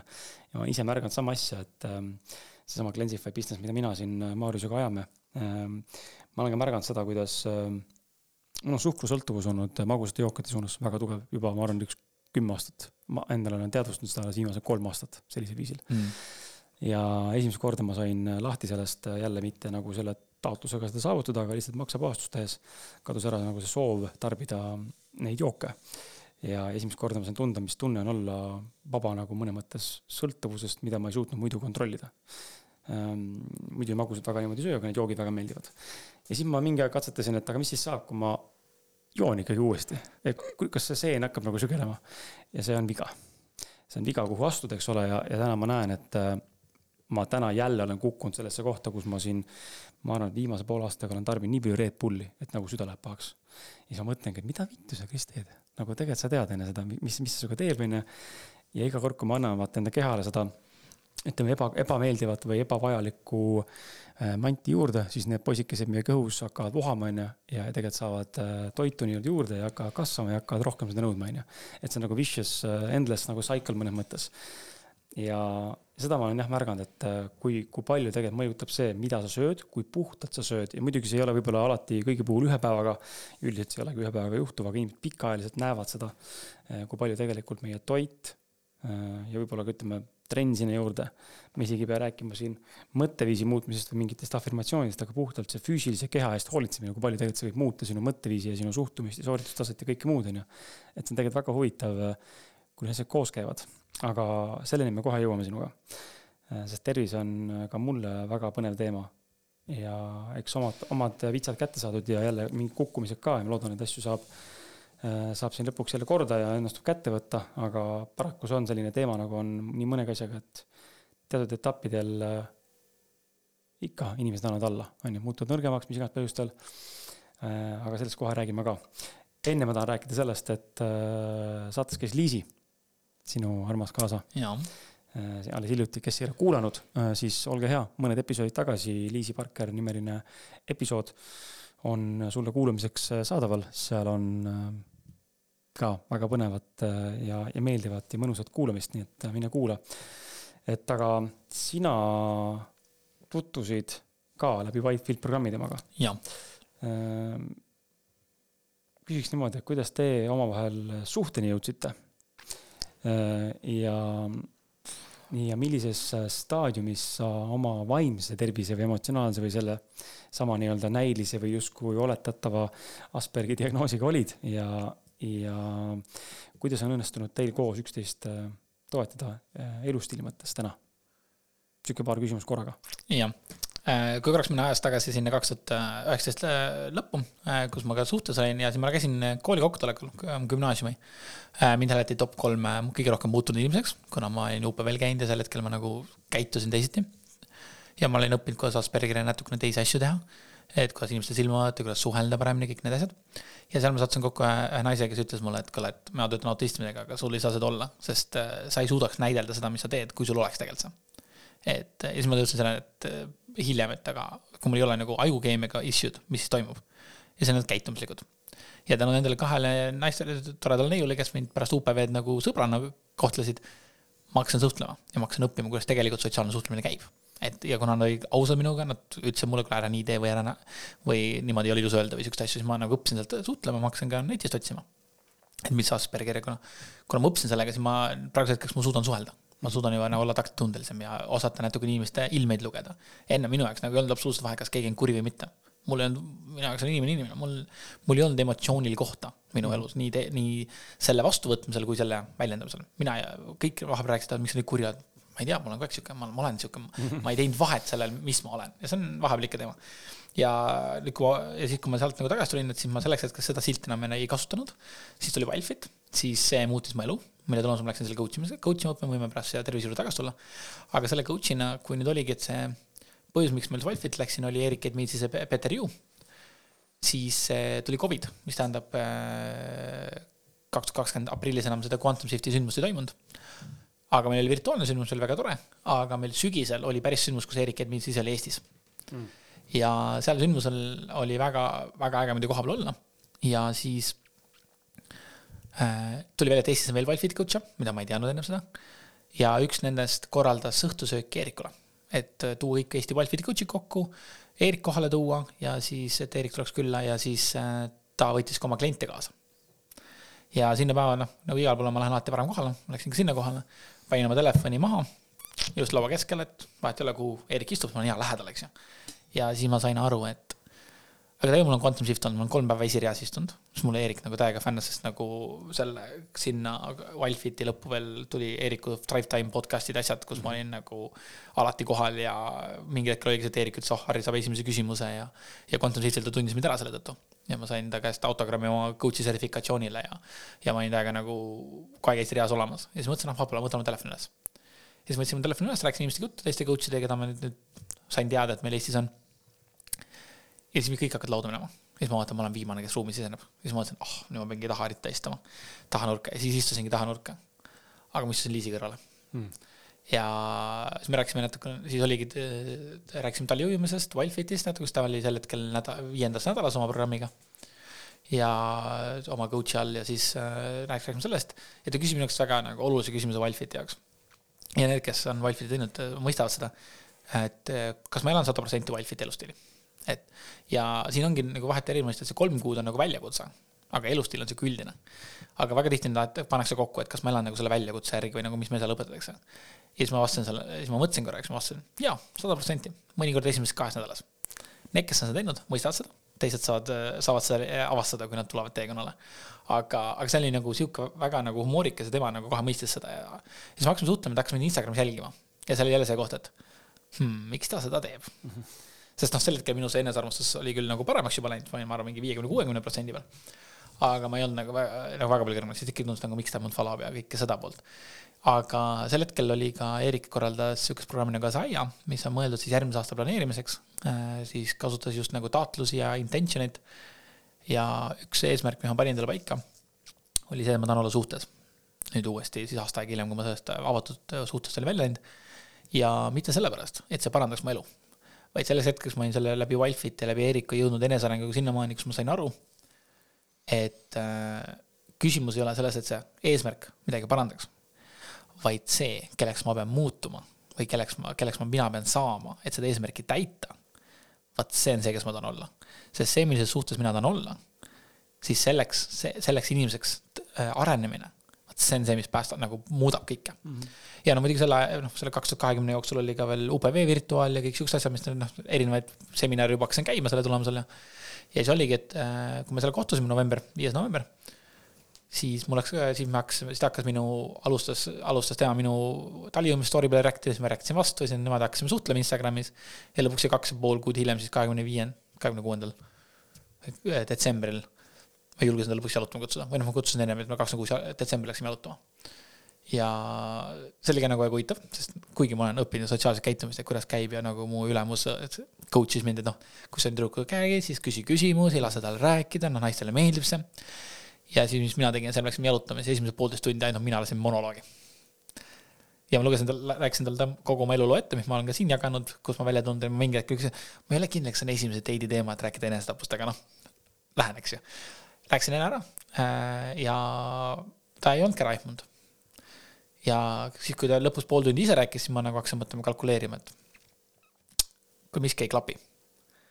ta on nii mitu aastat suitsetanud, ta on nii mitu aastat, ta on nii aastavanune laps, ta on nii kaua suhtes olnud, nagu kui noorelt alustas mm. -hmm. sest mina tol hetkel ei teadnud, et ta on minust kolmteist aastat vanem mm. -hmm.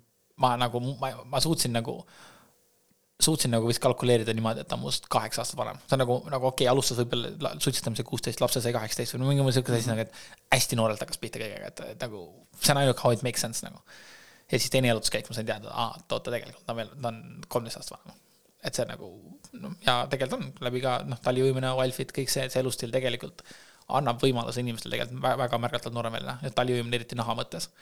ja, ja selle koha pealt äh, oli nagu väga huvitav ja siis meil oli kolmas jalutuskäik kus me lõpuks otsustasime, et okei okay,, noh, ta ütleski tema vanuse järgi, tal on juba teismeline laps, et ta ei soovi rohkem lapsi. et kuidas see mind mõjutab ja siis ma sain aru, et mul tegelikult ei ole vahet. Äh, selleks hetkeks ma juba tundsin, et ma tahan temaga koos olla ja muidugi mingil hetkel teda ajas segaduse, kui ma rääkisin, et armastus on tegusõna. ta väga ei saanud aru sellest, mis ma mõtlen selle all, et ma otsustan teda armastada, noh, tegu, tegusõnana mm. -hmm see oli veits huvitav olukord ja noh, siiamaani mul tegelikult, ma saan aru, et minul emotsioonide tundmise selle koha pealt on natukene if'i. et kas ma päris tunnen neid emotsioone või ma mõtlen, et ma tunnen või ma noh, seesama see kohalolu ja mm -hmm. selle enda kõrvalt nägemine on see, et kas ma tean, mul on see emotsioon, kas ma teadlikult nagu ütlen, mul on see emotsioon, kas ma tegelikult tunnen seda emotsiooni, mul ei ole seda nagu arusaama selles, et kui nagu öeldakse, et on mõtted, tunded, tegevused. et minu see tundefaas ongi see, et nagu mul on jah mõtted, ma teen midagi, tunded nagu on seal või ei ole, ma päris täpselt aru ei saa. Aga igas me otsustasime, et, et võiks selle suhtele võimaluse anda. ja pärast seda me siis äh, mingil hetkel käiluskäigul hakkasime lõpuks, tõin sisse praktika tänulikkuse koha, mis me saime ka Roland Tokalt. et iga õhtu jagada tänulikkust, mille tulemusel me hakkasime iga õhtu rääkima ja suhtlema ja sealt me nagu suhe areneski niimoodi, et äh, siis viiendal novembril kaks tuhat kakskümmend üks ma tegin talle abieluettepaneku mm.. sest ma tundsin, et nagu milleks oodata, miks ma pean nagu, ma, ma tundsin, ma tahan ennem koos elada, et mille tulemusel ma kinda kolisin talle korterisse sisse niimoodi, ma käisin ainult enda riided oma korterist toomas. ja siis äh, ainult nagu, et oleks nagu see tehtud. ja siis üheksa kuud hiljem me juba abiellusime, et äh, siis eelmine aasta augustis ja nagu see, kuidas me nüüd e-, nagu, mis kindlasti on väga äge olnud, on see, et kuna me mõlemad jälgime Wolfit elustiili. Ühesõnaga, me vaba, valid, vabalt valime neid toite, mis me süüa tahame ja enamasti need sarnased meile. siis see on ülimalt äge olnud ja ülimalt toetav olnud ja noh, tegelikult tema toetab mind praegu mu Wolfiti klassides, mina toetan teda tema asjades. et me täiega nagu teeme selles suhtes nagu pere, pereasja ja see on nagu ülimalt äge niimoodi koos teha. mitte ainult toiduvalikuid valida, vaid tegelikult eluvalikuid, reisimisi, kõik siuksed asju, et ja, ja muidugi tekib küsimus, et mis on see, kas ma valin iseennast või ma lähen liiga temaga kaasa, et kas mul on ikka need vanad mustrid, kus ma tahan meeldida, sest noh, selleks ajaks, kui ma teda välja jalutama kutsusin äh,, mis oli ka huvitav olukord äh,, minu mõttetegevuses äh,, selleks hetkeks oli mul huviorbiiti, huviorbiiti sattunud neli naisterahvast, kellega ma võiks minna jalutama. Sellepärast, et ma selleks hetkeks nagu tänu sellele arengule me jõudsime sinna kohta, kus ma julgesin inimestega, mõtlesin, ma julgen inimesi välja kutsuda. Ma kutsusin esimese, tegelikult Liis ei olnud esimene, sest äh, äh, rääkisin ühe teise inimesega ja ma olin väga avatud. ma rääkisingi, et nagu, mis olukord on, tema rääkis oma Tinder date'ist, mina rääkisin, mul on nagu neli inimest Oliver Willis. ja siis ta ütles mulle, et ma peaks välja mõtlema, keda ma tegelikult tahan neist. ja siis järgmine otsus käib Liisiga. ja siis pärast seda ma sain aru, et ei, ma, siis ma kirjutasin selle esimesele, et ma ei saa mitut suhet nagu korraga, et ma pean hetkel keskenduma, vaatama Liisiga, et muidugi tema oli väga pahane mu peale, sellepärast et miks ma siis üldse talle armastust avaldasin, kui ma lähen nagu Liisiga jalutama Äh, aga see andis mulle enesekindluse, et mul oli nagu enda jaoks valik tekkinud. ja ma sain ka aru, ma olen, nüüd ma olen selle koha peal, ma saan inimesi välja kutsuda. ma võin nendega arutada suhete, suhte teemal ja minna sellega edasi mm. -hmm. ja, ja selle tulemusel nagu, et ma ise kogu aeg olen selline avatud ja räägin kõigest, kõigega, kõigiga, kaasa arvatud siin või ükskõik kus kohas. siis äh, üks teema, mis oli minu jaoks väga keeruline, oli äh, seksi teema mm. -hmm. et kuidas seda nagu mehe ja naise vahel nagu rääkida aga siis ma käisin äh, Raivo Johansoni väelaagris, kus ma seda teemat üles tõstsin ja mul on hirm selles. sest mina selleks hetkeks ei olnud kunagi seksinud. ma, ma nagu, mis minu jaoks on ja no ja seda naise suudlemise koha pealt ma olin ka väga nagu võhik ainult selles nelja kuu jooksul nagu. et nagu mismoodi nagu tegelikult need asjad nagu hellalt asju tehakse, ma, ma, ma ei tea, mul ei ole kogemust nüüd ma nagu lähen sinna suhtesse ja siis ma nagu saingi aru, et, et okei okay, äh,, kuidas ma teen seda ja siis, kui ma rääkisin seal nagu meesteringis seda ja siis ma saingi aru, lihtsalt tegelikult tulemus on see, ma pean rääkima. mis tähendab, kui ma laagrist tagasi tulin, sama õhtu, see oli jaanuaris, äh, sama õhtu ma läksin, äh, kutsusin ta jalutama uuesti ja läksime ja rääkisime seda, see oli vist mingi jaanuari lõpp või veebruar, et pärast seda, kui me olime otsustanud juba suhtes olla. aga siis ma jah, rääkisin talle ka oma selle teema ära, et nagu ma ei oska seda. siis tuli välja, tema, temal ei ole seda väga hea ja siis oli ülimalt hea kooslus, eks ju. aga tegelikult kokkuvõttes on ülimalt hea koos seksida, sest nagu see keemia, kõik see, mis meil on ja mis ma saan aru, äh, mis siis tuli sama kaks tuhat kakskümmend üks Tantar festivalil, mis ma sealt õppisin, on need asjad, mida mina teen.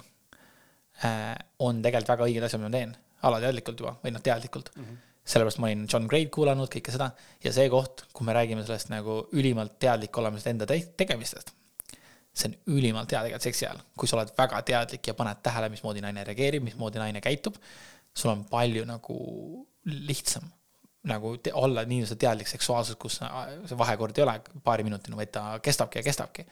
sellepärast, et sa paned tähele, mis toimub. ja see oli nagu minu jaoks, see oli see koht, kus ma esimest korda, jess, sellest on kasu vähemalt et ma nagu niimoodi asju üle mõtlen, et see oli nagu väga huvitav koht, kuhu, kuhu välja jõuda. see on huvitav äh, ka, et sa seda mainid, ma ise olen ka oma partneriga kogesin, äh, kogen mõlemat alateadlikku ja teadlikku seksuaalsust just selles osas, et nagu ikka, ähm, nii nagu seksuaalselt ja armastuses, nii ka paari suhtes, nii ka tööalaselt onju, nii ka sõpradega, nii ka trennikaaslastega, kellega sobime, kellega ei sobi. mõnega asi kohe voolab onju, teisega on niimoodi, et noh, läbi, läbi mingisuguste äh, nii-öelda takistuste see rata nagu läheb ja on konarlik ja jube nagu, nagu, nagu piinlik ja, ja kuidagi nagu ei sobi üldse. et äh, ma mäletan, meil oli samamoodi pärast esimest äh, sellist äh, tõsist äh, amelimist või vahekorda, siis naine küsis ka huvi pärast, et äh, kuidas sa nagu teadsid, kuidas täpselt niimoodi teha, onju. ütlesin ka, ma ei tea, ma ei tunne tegelikult sind, aga intuitiivselt kuidagi klapp on lihtsalt nii hea. ja täna nagu olles siis äh, seda teadlikut teed nagu käinud ka mõlemad, eks ole, koos, üritanud äh, võtta seda seksi ja seksuaalsust natuke teistsugusel moel kui lihtsalt äh, maha ja taha, siis seal on ka nagu tugevalt näha seda, mis just mainisid ka, et see teadlik kohalolu ja oskus nagu märgata partneri keha on liigutusi, kuidas ta tunneb, kuidas ta, mida ta tajub, on ju. mis talle meeldib, mis talle ei meeldi, on ju, ja eriti tore, kui partner julgeb välja öelda veel samal hetkel, kui midagi tehakse, näiteks, et ma seda praegu ei taha. aitab sealt, siis see on jumala fun. kujutan ette, et paljude inimeste jaoks on see nagu error, eks ole, kus öeldakse välja, et kuule, ma ei taha praegu siis, et aga mis ma siis üldse teen, noh, ma ei siis tee midagi. et mul on just hästi vabastav ja hästi tore, et saab nagu rääkida inimesega, noh kõigest. Ja mulle tundub, et teil on nagu sama, et saab rääkida kõigest avatult, filtrita ja, ja see peegeldus on mõnes mõttes nagu nii kihvt ja tore ja vahetu. ja, ja noh, ma saan aru, on inimesi, kellele see ei meeldi, aga, aga ma väga nagu soovitan, mm, et inimene, inimesed võiks anda võimaluse äh, üksteisele äh, proovida sellist äh, avatud ja, ja filtrita suhtlemist, mis mõnes mõttes alguses võib-olla on selline piinlik või natukene ebamugav ebamugav võib-olla on see jah, ja ta on hästi intiimne, eks ole, teatud tasandil emotsionaalselt ja, ja füüsiliselt ja vaimselt, et andke võimalus, kui te ei ole enne enda partneriga saanud kõigest nagu rääkida, et see on minu arust hullult nagu vabastav ja, ja, ja, ja kaif. selle koha ma lisaksin siia selle, et äh, see seksi pealt ka, et, et mida ma olen aru saanud, ongi see, et mehel ei tasu küsida naise käest, mida ta sel hetkel vajab. kindlasti naine peaks ütlema mingitele asjadele piirid ette, aga muul ajal rääkida -hmm. mis keegi, keegi mida soovib, on minu arust ülimalt okei okay et nagu ongi, mis nagu meeldis, mis ei meeldi, mida võiks teistmoodi teha. et võib-olla selles hetkes on tõesti see kohalolus on äh, väljatulemine ei ole alati kõige kasulikum, aga piiride teadmine, kõik see pool ja tegelikult see rääkimise koha pealt, mis mina nagu, mis meil Liisiga nagu ülimalt hästi toimib, on see, et kui me filtriteta räägime, siis üks põhitõde, mis meil mõlemal on see, et meil on oma nupud, mida keegi teine vajutab, aga need on meie nupud mm. -hmm. mis tähendab, kui keegi teine ütleb midagi, mis meile ei meeldi, siis see on kellegi see on nagu, see on minu enda nupp see, millal see mulle pihta läheb praegu. Ja vastupidi, mille tulemusel me ise vastutame selle eest, kuidas me ennast mingile asjale reageerime. ja see on see koht, kus minu arust Erik Edmins on väga hästi öelnud. Inglise keeles on niisugune tore väljend nagu taking offense mm. -hmm. et sa saad äh, pihta sellega või nagu, ma isegi ei tea, mis see hea tõlge on sellele. solvumine või haavumine. jah -hmm. et aga, aga inglise keeles ongi see taking, et sa võtad solvumist. ja siis ta ütleski väga hästi, et aga kui sa seda ei anna ja teine võtab, siis on ju varastamine mm. -hmm. et miks inimesed varastavad solvumist et see on nagu noh, tegelikult ongi, et miks, miks, miks see on, siis tegelikult ongi see, et isegi kui sina seda ei anna, teine saab selle võtta.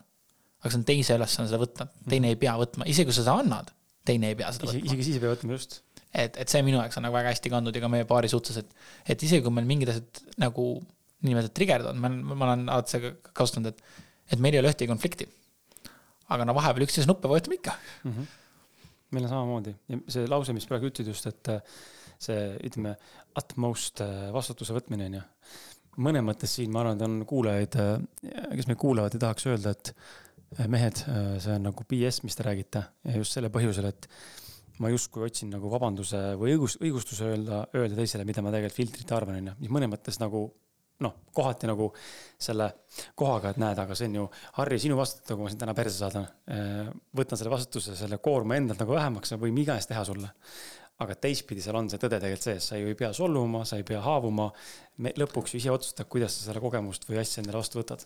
selle kohta on hea näide on, äh, kas Marissa Piiril on see äh, lause, lause, et võrdle, kuidas sa ennast tunned, kui sa ütled kaks sõna, kaks lauset endale. üks lause on see, et mina olen ahv. vaata, kuidas sa ennast tunned. ja siis ütle teine asi, ma äh,, ma ei ole piisav. ja vaata, kuidas sa tunned erinevalt. ja enamus inimeste jaoks see lause, et ma ei ole piisav, natukene häirib natukene trigerdab. ja see ongi sellepärast, et, et mina olen ahv, on lihtsalt vale. ja mind teeb see naerma. ja see ajab naerma, sest see on vale, see on, see on lihtsalt naljakas. aga kui sa ütled, ma ei ole piisav, siis see on oh,, mis mõttes ma endale sihukest asja ütlen, kuidas ma saan öelda. järelikult see läheb sul pihta ja sama asi on iga muu asjaga, kui keegi saadab, kui ongi, Liisi peaks mind perre saatma. Kui mul ei ole vajadust millegipärast ennast sel hetkel nagu tunda, et mulle midagi pihta läheb, ma ei, ma ei pea, see ongi lihtsalt naljakas, see on vale lihtsalt mm, -hmm. mul ei ole vaja. et kui ma tegin midagi, et kui ta ütleb, et ma tegin nii või tegin naa, et ma ei tunne seda niimoodi mm. -hmm. kui ma tegin midagi, siis see muidugi läheb pihta, sest see oli see nupp, millele ta nüüd pihta vajutab ja, ja see ongi see, et meil ongi need omad nupud, et see on minu arust väga hea võrdlus näha seda, et et me, me ei pea, me saa-, meie reaktsioon sõltub sellest, kuidas me ise sel hetkel ennast tunneme mm. -hmm. absoluutselt. tuleme siia terviseteemasse nüüd sisse. Ja räägiks äh, natuke nüüd, äh, kuivõrd põhjalikult või mitte põhjalikult, aga räägiks äh, Wildfitist. mina ei läbinud ei ole seda, mul on paar sõpra, kes on seda läbinud Erik Edmiitsi ma isiklikult ei tunne täna veel, aga mul õnnestus siin natuke heas mõttes strateegiliselt sossutada Eeriku hetkel naist Kerstit, keda ma tunnen. Et kui nad tagasi Eestisse tulevad, siis võib-olla Eerik tuleb mulle saatesse. ah oh,, see oleks väga äge. et äh, tahaks, tegelikult ma tahaks temaga salvestada, juttu rääkida, ta oli minu jaoks sümpaatne Pederi laval äh,. mulle meeldis Sharma rohkem. ma olen suur Sharma fänn, aga, aga ma nägin, et äh, Eerik tõi selle elavuse lavale Sharma oli natuke teistsuguses energias tol õhtul, äh, võib-olla see oli erakord Eesti puhul või selle ürituse puhul, aga, aga ma nägin, et tal oli, oli omadega täiesti off, mis tavaliselt, muidu, muidu tavaliselt Sharma puhul nagu märganud ei ole. no ma olen sealt saanud lisainfot selle kohta, et äh, Sharma puhul oligi see, et tal äh, meeskonnas toimusid vist nädal või enne, kaks enne seda päris suured muudatused mm.. ta mainis vist isegi laval, et keegi sõber vist oli hiljuti ära surnud ka nagu. siis oli veel see olukord oli ka veel, et, et tal oli päris palju, päris, päris palju nagu on the background, mis asjad teda mõjutasid. ja see võis olla see, ma arvan, koht ka, miks paljud tundsidki, et holy shit, et Erik oli lihtsalt säras laval. ta oli esimene ka, eks ole, onju, Shano tuli hästi depressiivselt kuidagi peale, onju, ja läks ära, onju, siis tulid kõik muud juurde, onju. et aga, aga vot Erik tundub huvitav inimene mulle mõnes mõttes, nii palju kui ma olen kuulnud ja mingeid üksikuid snippeteid, kasvõi see suhkruvaba äh, nii-öelda või see elustiil, eks ole, lisatud suhkruvaba siis äh,. siin tuleb ära täpsustada, on ju, sest et me räägime varsti siin puuviljasuhkrust ja tatlitest, mis on ka mm. väga suhkur, eks ole, aga ta on hoopis teistmoodi käitumine kehas. aga me räägime lisatud suhkrust ja, ja sa just mainisid sama asja, mis minu jaoks hästi oluline, ma tahan kindlasti sellest räägiksid ka, kui sa Fightfiti juurde jõuad, see on siis mentaliteet või suhtumine sellesse, et äh, te täna valite, mida te sööte. et mulle öeldakse, noh, ma ise olen täna taimetoitlane, eks ole, kuskil kaheksa aastat äkki, nüüd juba olnud võib-olla seitse, saab täis, ma täpselt numbrit ei tea, aga kuskil sinnakanti. Ja, ja mul on nii palju inimesi nagu küsinud, et aga, ega, et kas see kas ei piira ennast kuidagi või, et issand, see on sihuke piiramine. inimesed alati, kui ma ütlen selle välja, et aga see sinu piiramise arvamus või see eeldus, et ma piiran, tuleneb ju sinust endast. sina tegelikult piiraksid täna ennast, kui sa teeks nii, nagu mina teen. mina ju valin mitte süüa või valin just süüa ainult seda asja, onju. et see on väga suur erinevus, inimesed peavad aru saama, et kui sa teed selle valiku, teadliku valiku, siis see ei ole piiramine, sest ma tegelikult teen vaba tahte valiku. ja nüüd ma tahan, et sina sellest räägid ka samamoodi mitte ma sulle sõnu suhu panen, aga ma saan aru, et sa saad minust aru. Äh, aga hakkame pihta kuskilt seda Wildfiti kerima, et mis ta on, äh, mida seal õpetatakse, mis sind paelus, äh, kui palju see sind tegelikult muutma mõnes mõttes nagu sunnib või paneb. kui palju seal on sellist ette dikteerimist, et kuidas peab ja ainult nii on õige või see on ikkagi selline suurem guideline, et ise tunnetad. räägi selle Wildfitist, miks ta nii special sinu jaoks on? Ta on nii special sellepärast, et äh, Wildfiti kõige põhilisem printsiip on see äh, niinimetatud toiduvabadus, food freedom. et see vabadus valida kõik, mis tahad. minu slogan ka oma klientidele on see, et jah, väljakutse on kolm kuud, pärast söö, pärast seda söö ükskõik, mida tahad. aga ma täiega usun, sa tahad teisi asju. et see on see koht, kus ma näen, et on väga suur, väga suur vahe, kui me võrdleme mingite toidukavade, dieetide või muude, muude sihukeste asjadega, siis väga tihti seal on see olukord, et keegi annab sulle nimekirja ette mm, -hmm. söö neid, kaal langeb, kõik on väga hästi. ja tõesti langeb, kuniks sa sööd neid asju. Wifit on siis äh, kaalulangetusprogramm äh, fookusega? tegelikult ei ole, ta on terve, ta, tal, meie näeme seda, et Wildfiti puhul äh, kaalulangetus on. Benefit, sai benefit, benefit, jah, ta on sihuke kõrvalnäht. ta on tagajärg, aga ta fookus on tegelikult just tervisel mm. -hmm. et, et kuidas olla nagu parem tervise juures. aga miks me võrdleme seda väga tihti just nagu toidukavade dieetidega, ongi see, et nagu ta keskendub läbi toitumise mm. -hmm. just nut-, nagu niinimetatud äh,, inglise keeles on hea sõna nagu food ja nutrition, et. et ta keskendub selle nutrition poolele, et mitte ainult selle toidu poolele, vaid just selle toit, toitainete ja kõigi mm -hmm. nende poolele ja toidukavade puhul on see, et sulle antakse ette, siis Wildfiti puhul meil ei ole ette anda ühtegi kava, mida sa sööma pead. meil ei ole sulle see, et hommikul söö seda, õhtul söö seda, nii mitu kalorit, ära neid asju söö vaid äh, me läheneme hästi lihtsalt sellega, et me anname inimestele võimaluse tunda, kuidas mingite asjade söömine neid mõjutab. ja see ongi see esimese kahe nädala nali, et, et esimese kahe nädalal me tegelikult väga palju tegeleme just sellega, et, et see, mida sa sööd, kuidas sa ennast tunned siis mm. -hmm kui sa neid asju sööma sa praegu saad, kui sa, kui sa reaalselt nagu mõtled, sa võtad selle kohvitassi kätte ja tunnetad, kuidas see sulle maitseb. ja kuidas sa ennast pärast tunned aga väga huvitav, kuidas sa tunned ennast kolmekümne minuti pärast, tunni aja pärast.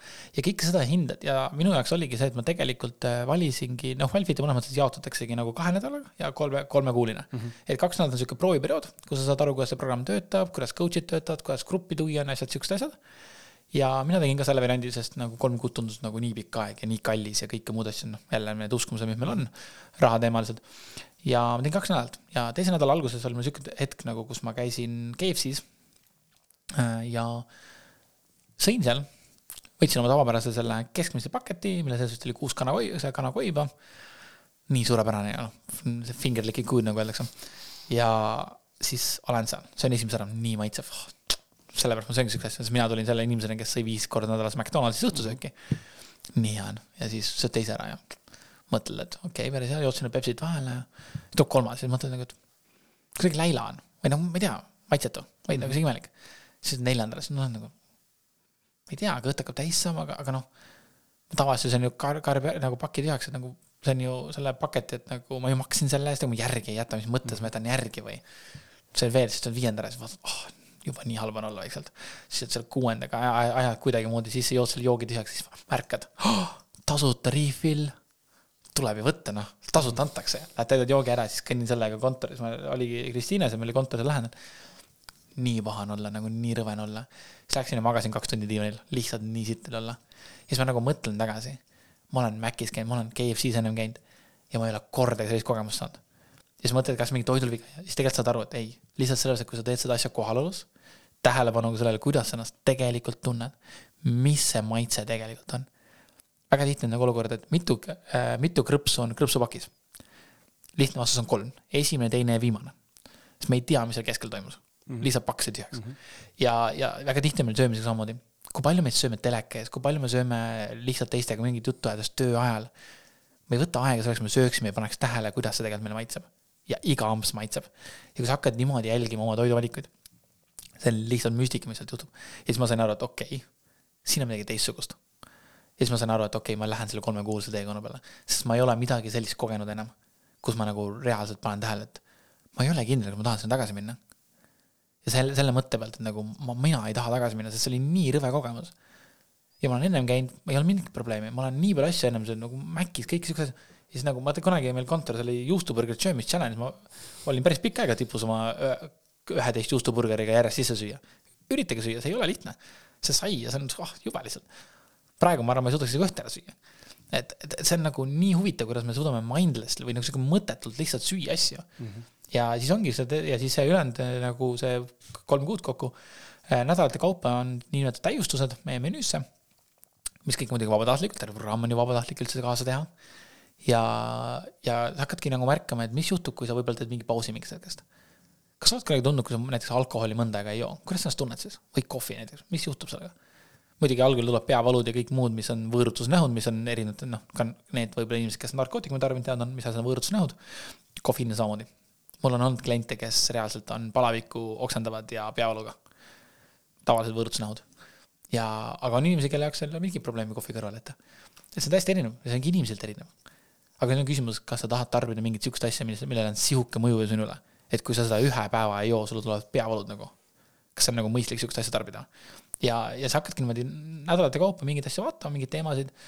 muidugi inimeste jaoks on erinevad põhjused, kas nagu ongi kaalu langetamine ja see on jälle sama olukord, et nagu miks ma räägin langetamisest ja väga tihti on, inimesed tahavad kaalu kaotada. ma tahan kaalust lahti saada või nagu ära kaotada seda või, või ongi see, et ma tahan kaotada neid harjumusi või siukseid asju, et.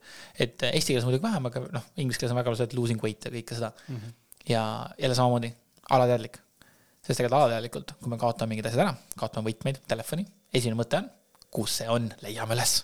sama on kaaluga. niipea kui sa kaotad kaalu, tuleb tagasi ja see ongi see, miks me laseme sellest lahti ja miks me langetame seda lihtsalt, et, et need neutraalsed sõnad, et, et meil ei oleks seda charge'i seal taga, et meil ei oleks seda emotsiooni, sest see sõna, mis me endale räägime, sama asi, miks ma räägingi seda, et ma valin seda, ma, ma, ma tahan niimoodi valida, mul on vabadus valida. sest niipea, kui sa ütled, ma piiran ennast, siis aju mõtleb, mis mõttes, miks ma piiran ennast, kes piirab mind, ma tahan vabadust, ma ei taha piiratud olla. ja see tuleb juba teismeeas, me võime lapseeas, me hakkame juba rebellima oma vanemate vastu mm, -hmm. siis me tahame olla vabad. Ja samamoodi, kui keegi ütleb, et ei, sa ei tohi sihukest asja süüa, mis mõttes ma ei tohi, muidugi. sa paned meelega üle. täpselt mm. -hmm kui, kui palju äh, teil nagu noori hakkavad alkoholi tarbima sellepärast, et nende, neid keelatakse teha mm. -hmm. suitsetamine, tänapäeval on veipimine see põhiasi. mida rohkem me keelame, seda rohkem nad tahavad. ja, ja, ja see on iga asjaga niimoodi, tegelikult toiduga. ja noh, samamoodi, et kuidas nagu reklaamitööstus on kõike nagu endale kaasa teinud, et, et kuidas olla see cool kid ja kõike seda nagu, tänapäeval enam tubakareklaame sellisel kujul ei ole. aga viimati, kui oli veel tubakareklaame, siis enamus reklaamid ei olnud täiskasvanute jaoks. Need olid laste jaoks, et nad hakkaks täiskasvanu jaoks seda tahtma. kõik see Marble Man ja Cable äh,, Cameli need äh, kaamel ja kõik need asjad, see ei olnud täiskasvanu jaoks või, või kunagi see tubakatööstus, äh, kuidas saadi naised, naised suitsetama. seoti sellega, et siis nad on võrdsed meestega see oli feminismi aeg, see naiste võrdõigus, muidugi naised peaks olema võrdsed meestega. Aga suitsetamine on see, mis neid võrdseks teeb mm. aga nii hästi ja nüüd ongi tänapäeval tegelikult toidutööstus teeb sama asja, mida siis tegi tubakatööstus. ja, ja siis, kui me jälgime seda ja paneme tähele seda, siis kolme kuu lõpus eesmärk ongi see, et nüüd, kus sa oled nagu tundnud seda ja noh, mingil hetkel on võta, võtame mingit toitudest pause ja, ja noh, mõned nimetavadki seda nagu, nagu elimination diet'iks või ongi elimineerimine, see on nagu see, et. et me võtame mingeid pause mingit hetkel, jälle samamoodi paus, mitte see, et me ei tohi seda asja süüa, vaid me lihtsalt hetkel valime mitte seda võtta. pärast võib tagasi tulla, kui tahad. Kas sa tahad, see on sinu enda otsustada. sest mul on väga mitu, ma teen isegi Wildfit coach'i, kes joovad kohvi. aga nad teevad seda palju teadlikuma koha pealt ja, ja selle koha minul oli ka, et ma nagu ennem ma lõpetasin ka kohvi joomise pärast UPV-d ära. aga ikka kofeiinist võtad ja kõik niimoodi. praegu ma ei taha üldse seda, ma ei taha kohvi maitset. või ma, või minu jaoks ma, ma ei, ma ei taha piimatooteid tarbida, sest ma tean, mis see minu kehaga teeb mm. -hmm. ma tunnen seda. ja kõige ägedam oli see, et kui ma olin aasta aega Valfit elanud, ma läksin üle sünnipäevale. Väga hea tark tipp, võta enda tort kaasa, mis sa oled endale hästi valmistanud mm. -hmm. Läksin sünnipäevale, siis vaatan seda Napoleoni kooki ja kringlit ja mõtlen, see oli minu nagu see kahekümnenda aja nagu lemmik, lemmikmagustoit oli Napoleoni kook. ja ma reaalselt vaatan seda ja ma ei taha seda. ja ma lihtsalt mõtlen nagu what? nagu mitte nagu, kui ma, see oli see esimene olukord, kus ma olin nagu ennast pannud, muidugi tuli noh, pärast ka välja siukse asja, et ma olin nagu poes kommides mööda kõndinud. minu jaoks üks tutifruti pakk, see kummikommi pakk õhtuti, ta oli täitsa normaalne õhtusöök. Et, et selliseid asju nagu või, või ongi need McDonaldsi toidud või ma mäletan, kui ma äh, eriti seal pärast seda break-up'i minu jaoks üks äh, pooleteistkilone juustukokk õhtuga üksi ära süüa ei olnud, ei olnud keeruline. minu jaoks oli see väga lihtne, see oli väga hea viis koos oma tundeid alla suruda. muidugi, kui me hakkame nüüd toitumises muudatust tegema, siis üks asi, mis äh, väga terveneb ja mis ka suhete puhul on ülimalt äge olnud näha, on see, et kui sa võtad pausi mingites asjades, mille, mille taha sa oled varjunud, siis sa ei saa enam varjuda ja siis sa peadki võib-olla suhtes natukene ausam olema, sest sa enam ei saa ennast peita selle vastu, mis sa enne, millega sa need emotsioonid maha surusid. vaid nüüd tulevad emotsioonid välja mm. -hmm. ja kaks varianti. kas selle tulemusel suhe ei õnnestu? on olnud mul selliseid olukordi, kes üks naisterahvas tuli mulle kõnesse ja ta oli väga nagu häiritud ja ma ei saanud aru, mis toimub, siis küsisin, et aa jaa, ma täitsa oma poisi, poisi maha või oma mehe maha. Tuli välja, et tema kõi-, enam, ta sai aru, et ta halvad toitumisharjumused olid tulenenud sellest stressist, mis see, mis tal mehe pärast oli aga mul on olnud ka vastupidi, kus paar tegi koos seda, kes omavahel väga ei suhelnud, ei rääkinud. ja nüüd hakkasid koos õhtus, õhtu, õhtul rääkima omavahel, taimset teed juues, omavahel suheldes ja hoopis teistmoodi suhet ehitamas. et täiesti eri, nagu see ongi mm, -hmm. see, see toob välja kõik selle, mis on, mida me matame. väga hea näide on see, et nagu äh, väga tihti me kasutame toitu emotsioonide allasurumiseks. See on samamoodi, nagu sa surud oma emotsioone, lükkad keldrisse kogu aeg. sinna mingi hetk ei mahu enam. Nad lähevad haisema seal, nad lähevad vanaks, mädanema ja siis hais tuleb välja me ei saa lõpuni, me peamegi, me peame õhutama seda, me peame need välja laskma. kas siis turvalises meesteruumis, naisteruumis, kui on oma partner, kellega saad seda teha, suurepärane võimalus. aga lihtsalt nende kogu aeg pidev allasurumine, mul on tihti on naisi, kes ütlevad, et ma ei tea, see toit teeb mind nii emotsionaalseks. kas toit teeb emotsionaalseks või lihtsalt toiduga enam ei kata seda emotsionaalsust? Et see on nagu nii suur vahe ja siis, kui sa jõuadki sellega, et mingis, mingil perioodil seal toitumises me soovitame teha valikuid, mis äh, viibki selleni, et me detox ime korralikult mm. -hmm. ja me puhastame oma soolestikku sellega me muudame seda bakterit, mis meil seal sees on. sest meil on nagu väga hea lause, et nagu noh, väga tihti me räägime, meil on toidukurat, toiduhingeled, noh, väga tihti on see, et me mõtleme, kas me peaks, ei peaks. peaks? ei peaks. ja siis on veel suhkrukratt, kes tahab väga palju suhkrut tarbida, nagu sa rääkisid, et kui hakkad jooma. et see on nagu demokraatia, vaata. Aga seal demokraatias on nagu üks probleem, et sinul on see üks hääl seal ja siis on nagu nendel kolmel on hääled. ja me räägime veel tegelikult kuuest inimnäljast, et kuidas me nälga erinevalt kategoriseerime, et noh, neid hääli tuleb päris palju juba ja siis on kuskil sihuke triljon bakterit, kellel on omal üks hääl. ja siis on küsimus, kes võidab demokraatia. ja siis ongi mingi hetk, sa lihtsalt natukene aristokra-, aristokraatlikult, diktaatorlikult pead muutma seda, äh, mis äh, bakterid sul kõhus on. ja nad hakkavad hoopis teistmoodi hääletama mm. -hmm. Nad hakkavad tahtma teisi toita nagu just hiljuti, kui Liisi tegigi siin seda Zen-Cleanse'i, siis ta pärast tegi endale kapsamahla ja see oli reaalselt magus, tavaline roheline kapsas. sest see, et me arvame, kapsas ei ole, ei ole maitsev, tuleneb lihtsalt sellest, et me oleme oma maitsemeeled niimoodi ära rikkunud. Pole harjunud lihtsalt. Pole harjunud, me oleme nii palju suhkruga seda lihtsalt nagu tuimestanud ja kui me oleme nagu puhtad, kuidas asjad meile maitsevad. sa reaalselt tunnedki, nagu sa tunned ära, kus on mingi suhkur juurde pandud. Sa võid juua, noh, oligi, me käisime nüüd Sansibaril reisimas, seal pandi mahladele, ananassimahl, siis ma panin sinna ka suhkur sisse nagu see on, see on ulmest ananast ise nii magus. jaa, aga, ja sa saadki aru, kui läila ja kui rõve mhm. see on. siis võtad ilma suhkruta, see on ikka magus, aga ta ei ole rõve enam mm. -hmm. ja, ja need maitsemeeled ja kuidas need muutuvad selle kolme kuu jooksul ja kõik, kõike seda. ja mis sa nagu, et see tõesti, tagajärg on enamasti inimesel kaal langeb, me vabastame rasva sellega, sest kui me, kui me keha ei pea enam stressis olema niimoodi ja me anname toiduga signaali, me räägime just toidutsüklisest, et, et mingitel hetkedel nagu hooaegadena, et mis äh, toitu me tarbime ja kuidas meie keha evolutsiooniliselt tegelikult on õppinud ära kasutama erinevaid hooaegasid, eh, kus on rohkem toite, kus on vähem. näiteks eh, talv, nimetatud talv on see hetk, kus meil tegelikult vanasti toitu ei olnud mm -hmm. ja me paastusime. Ja tegelikult meil on evolutsiooniliselt kaasa antud nii-öelda autofaagia, mis hakkab ära põletama vanu katkiseid valke, mis on eh, varsti kass katki läinud, mis on sassis mm. -hmm. ja kui me üldse ei paastu siis need lihtsalt kogunevad meie rakkudesse ja me peame ka neid detox ima, me peame nagu täiega jamama. ja tegelikult aga meil kehaliselt on arenenud võime seda ise teha. ja selle tulemusel, kui me hakkame nüüd puhastuma ja detox ima, siis mis võimed meil kehal terveneda on mul on endal olnud kliente, kes on suutnud ravimitest kõrvale jätta, loomulikult alati arstiga kooskõlas, mina ei ole arst, et ma saan soovitada sulle, et ära võta seda ravimit. aga arstiga kooskõlas lihtsalt su tervisenäitajad lähevad paremaks. vererõhu teemad, mul oli üks klient äh, autoimmuunsusega kes ei saanud kanda saapaid, sellepärast et ta hüppeliigesed olid nii valusad. kolm aastat polnud saapaid kandnud. pärast Valfitil esimene talv, ta elas Põhja-Rootsis, ta oli väga õnnelik, et sai saapaid kanda. lihtsalt sellepärast, et tal polnud enam nii palju põletikust käes mm. -hmm. ja mul just esmaspäeval oli kõne ühe kliendiga, kes rääkis, kuidas tal oli äh,, kuidas tal on äh, Crohn's, mis on ka just seedimishäirete ja nende teemadega. ja mille tulemusel tal oli keskmiselt äh, kolm päeva nädalas migreen. tal pole paar nädalat migreeni olnud tal ei ole olnud selle krooni niinimetatud flare-up'i, kus ta nagu need sümptomid välja tuleksid mm. -hmm. sest see, mida ta praegu, kuidas ta praegu programmis toitub, on, on lihtsalt nii palju tervendab tema kehaks.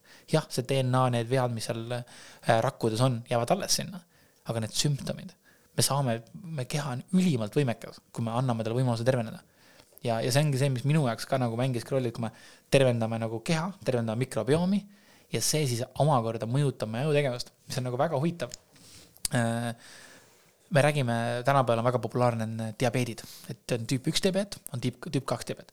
kui palju teist mäletab, mina lapsepõlves mäletan, et minu ema sõbrannal oli tüüp kaks diabeet. aga selle asja nimi ei olnud diabeet, selle asja nimi oli suhkrutõbi mm. -hmm. Tänapäeval keegi ei räägi, et see on suhkrutõbi. huvitav küll, miks, miks keegi ei räägi seda, miks on nüüd tüüp kaks diabeet selle asja nimi? mida, mida sellega tahaks näidata? ja samal ajal on tekkimas tüüp kolm diabeet, mis vanasti oli teada kui Alžeimer's sest nüüd on hakatud aru saama, et üleliigne suhkru tarbimine ja insuliini ja see insuliini resistsus ja kõik need mõjutavad sellest, kuidas meie aju töötab.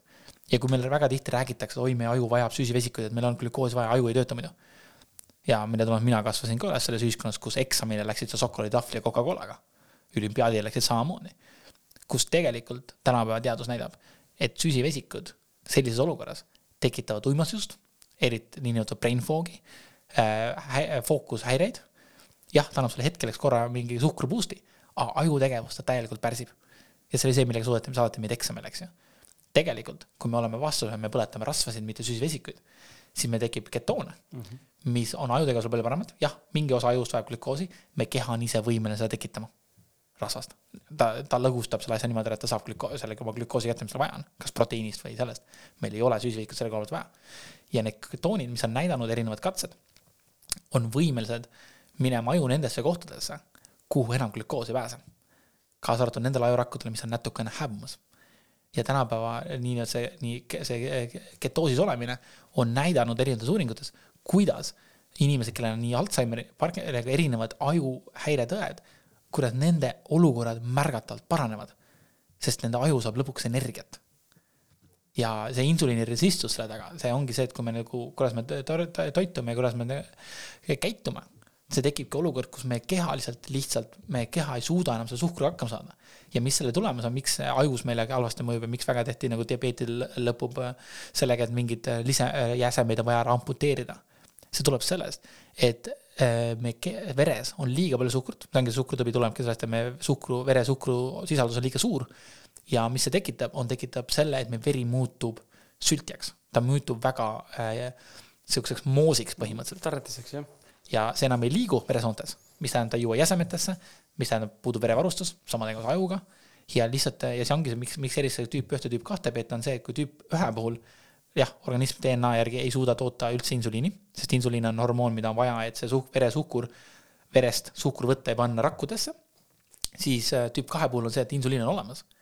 aga lihtsalt rakud ei ole võimelised rohkem suhkrut vastu võtma sest et äh, on erinevad põhjused, ühelt poolt on see, et rakud on katki, et need insuliini vastuvõtud retseptorid on katki, et need insuliini ei saa sinna minna, et kuule, võta suhkrut vastu. ja, äh, või on see, et hoopis on mingid nagu ka räägitakse erinevad detox asjadest, et ei ole võimalik rakku nagu, need täidavad ise need vastuvõturetseptorid ära ja siis tekibki olukord, kus suhkur hakatakse panema rasva. Sest kui musklitesse enam ei mahu või rakkudesse läheb salvestades rasvadesse. ja siis tekibki see olukord, siis ka see on nagu häiritud. ja see on ka põhjus, miks tegelikult öeldakse, et kui sa teed nagu väga palju nagu jõutrenni, miks su metabolism kiireneb, ongi see, sul lihtsalt rohkem kohti, kuhu suhkrut panna. ja see nagu päästab seda nagu mõlemat see insuliiniresistust. ja siis nagu äh, Eerikul on nüüd äh, kevadel välja tulemas ka raamat äh, Post Diabetes, sest väga paljud Valfiti kliendid minul endal ei ole küll diabeedist klienti olnud, aga väga paljud, kes on Wilfiti teinud, on tüüp kahe diabeedi pealt läinud prediabeetikuks. et neil näitajad näitavad, et nad on diabeedieelsed mm. -hmm. aga mis on loogika selles, et sul on diabeet ja nüüd sa oled jälle eeldiabeedik, mis mõttes? ja nüüd Eerik koos ühe doktoriga, kelle, kes enda tüüp kaks diabeedi ka Wilfitiga mõnes mõttes ära ravis jätkuvalt ma ei ole arst, ma ei saa, võib-olla need terminid ei ole päris õiged kasutada ravis või on lihtsalt tagasipööramine või kuidas võtta neid. aga ta tegi Wolfiti ja ta ka enam ei pidanud hakkama enam insuliini süstima, ta ei pidanud äh, neid ravimeid võtma. ja nüüd koos annavad nad raamat välja Post-Diabetes, kus nad räägivadki sellest, kuidas see mõjutab. ja mis sealt taustal tegelikult välja tuleb, äh, on ka see, et kui kunagine insuliin avastati, siis seesama tüüp äh,, samal ajal avastati ka Atkins dieet mm, -hmm. mis on ülimalt väga, väga rasvarohke ketodieet aga mõlemad aitasid tüüp kaks diabeedi vastu. lihtsalt insuliini sai müüa, dieeti on keerulisem müüa. ja selle tõttu see on praegu põhiline ravim äh, tüüp kaks diabeedile versus see, et inimesed oma dieediga midagi muudaks. ja põhjus, miks muidugi Atkins dieet või üldse dieetidega ongi keeruline, on see, et äh, nüüd me jõuame selle tahtejõu poolele on, kui me teeme mingit toidukava, mingit dieeti, siis enamasti me tahame tulemust ja meile antakse ette, kuidas me seda saavutama peaksime. aga meil kogu aeg on niisugune tunne, et me piirame ennast meil ei ole piisavalt valikut, meile anti, keegi, keegi ütles, me peame nii tegema. mis tähendab, me töötab nii kaua, kuni meil on taht, tahet seda jälgida. aga tahtejõuga on täpselt niimoodi, et äh, ma ei tea, kas te olete proovinud hinge kinni hoida vee all, siis äh, vahet ei ole, kui palju see tahtejõud on. mingil hetkel su keha võtab üle. ja ta hingab kasvõi vee all sisse. ja sama asi on tegelikult ka äh, mingite kavade asjade järgimisega. kui sa hakkad nautima seda elustiili siis sa suudad kesta. väga tihti inimesed suudavad eh, väga pikalt jälgida nii-öelda intermediate fasting ut, vahelduv paastumist, sest see on nauditav elustiil. aga kui sul on see hetk, kus sa ei tohi mitte midagi süüa, sa tohid ainult mingit, ainult ühte-kahte asja süüa, see ei ole nauditav, see ei kesta.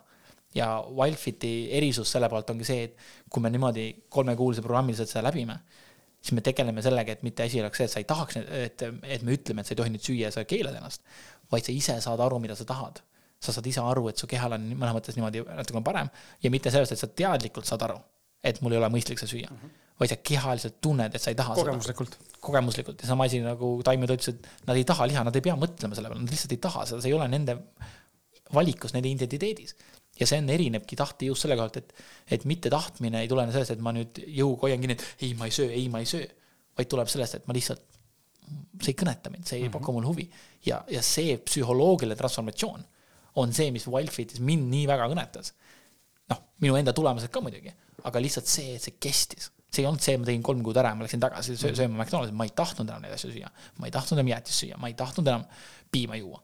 ma kasvasin üles piimatalus, minu jaoks piim oli põhiline asi, mida ma terve lapsepõlve tarbisin. kui palju see võis mõjutada minu ajutegevust, kes teab mm. -hmm et, et tegelikult need asjad kõik on nagu väga palju omavahel seotud ja kui me jõuame sinna kohta, kus me teeme, see on asi ka, miks ei ole nagu psühholoogiline muutus, vaid see on transformatsioon, sest muutus on jälle sihuke, sihuke, ma ei taha muutust, inimesed ei taha muutuseid. aga transformatsioon on midagi palju rohkemat. ja kui me nüüd tõesti transformeerime selle ära, kuidas meie ennast näeme, kuidas me ennast kogeme, tunneme, siis see on hoopis teine ja sealt tulebki siis see mikrobioom tuleb kaasa, sest sul on hoopis teine mikrobioom, mis tahabki juba teisi asju, see mhm. võimendab seda olukorda ja muidugi sa mingi hetkel äh, hakkad sööma rohkem äh, süsivesikut rohkem, võib-olla ka puuvilju väga palju rohkem, siis sa tahad rohkem puuvilju. Ja seal taga on tegelikult ka evolutsiooniline koht, sellepärast et puuviljad olid hooajas enamasti enne talve, enne seda, kui toit otsa sai. mis tähendab, sel hetkel sa pead koguma nii palju rasva kui võimalik, sest vastasel juhul sa sured talvel välja. kui palju meil praegu ühiskonnas tuleb talv ette? Sellisel kujul, jah, meil on külmem periood, mis ongi hea, et me paneme rasva peale, sest meil oleks soojem. Me sööme nii palju puuvilju, kui me jõuame, detsembris mandariini, ma ei tea, kui palju inimesi kilode viisi näkku. täpselt, ja, ja siis ongi see tulemus ja siis inimesed mõtlevad, kust see kaal tuleb, siis me anname kehale signaali, et oh, varsti tuleb talv, varsti saab toit otsa, paneme nii palju tallele kui võimalik.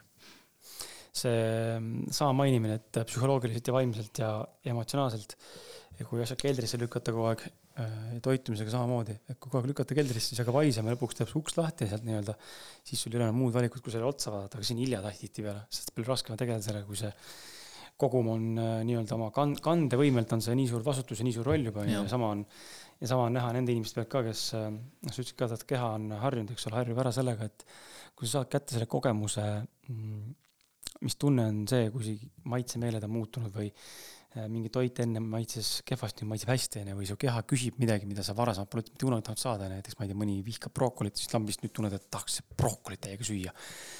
Ja see, seda ei saagi enne kogeda mõistuslikult mitte kunagi, sest et isegi noh, vaat seal on, inimesel on vaja paralleelsust, ähm, mis tunne on olla hea tervise juures või heade elukvaliteedi toetavate hobide või, või harjumuste juures versus siis see, kus ma olen harjumuspäraselt kinni ja mulle tundub, et mul on mugav ja mul on normaalne, mõnus. see on lihtsalt müstika, mida uskumiseni, mul oli üks äh, meesterahvas, kes äh, reaalselt uskus, et ilma hommikukohvita tema tööd teha ei saa mm. -hmm. ja reaalselt ta proovis. ja nii ongi. ta ei saanud, no ei saa. ja siis kui lõpuks ikkagi programmi jooksul me suutsime, suutsime aru saama, noh arutasime, et kuule, et jaa, okei okay,, esimene päev võib olla keeruline, võta rahulikult, aga tee ära, proovi ära. kolm päeva, võõrutus näod läbi ta ei saanud aru, kui selge ta elu oli nagu. see oli nagu nii müstiliselt muutunud, ta, ta, ta, ta, ta ei uskunud seda, et see võimalik on. Ja siis ma küsisingi, et nagu jaa, aga kolm päeva tagasi, kas oleks suutnud iseendale selgeks teha, et see on võimalik või? ei oleks.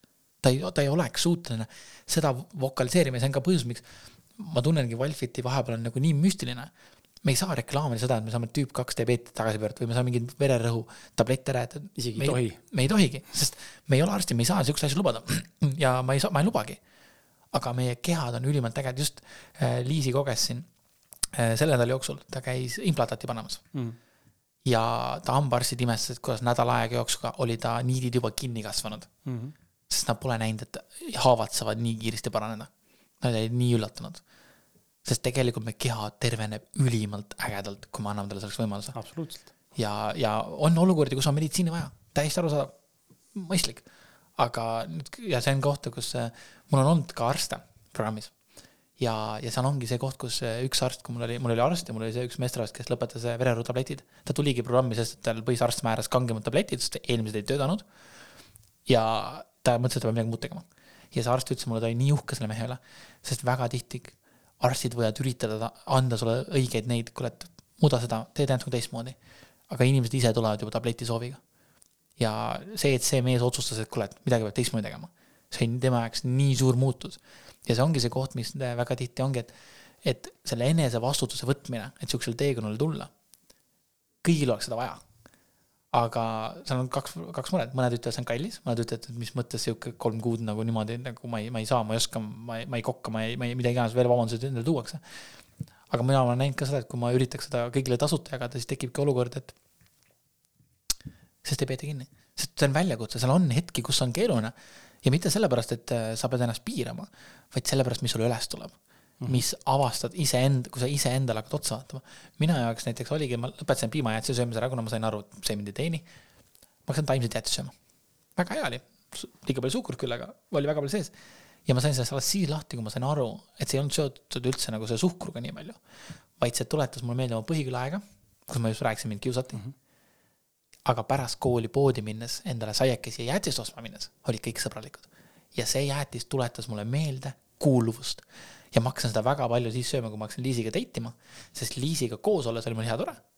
ja üksi olles mul oli kontrast siis ma tahtsin seda tunnet parandada, siis ma hakkasin poest ära minnes alati jäätise kaasa arvama, sest see oli see tunne, mis mul põhikoolis tekitas head tunnet, ma sain jäätist ja kuna ma biomajäätist ei olnud, siis ma sõin taimset jäätist, aga taimsed jäätised on enamasti rohkema suhkrusisaldusega kui tegelikult äh, biomajäätised.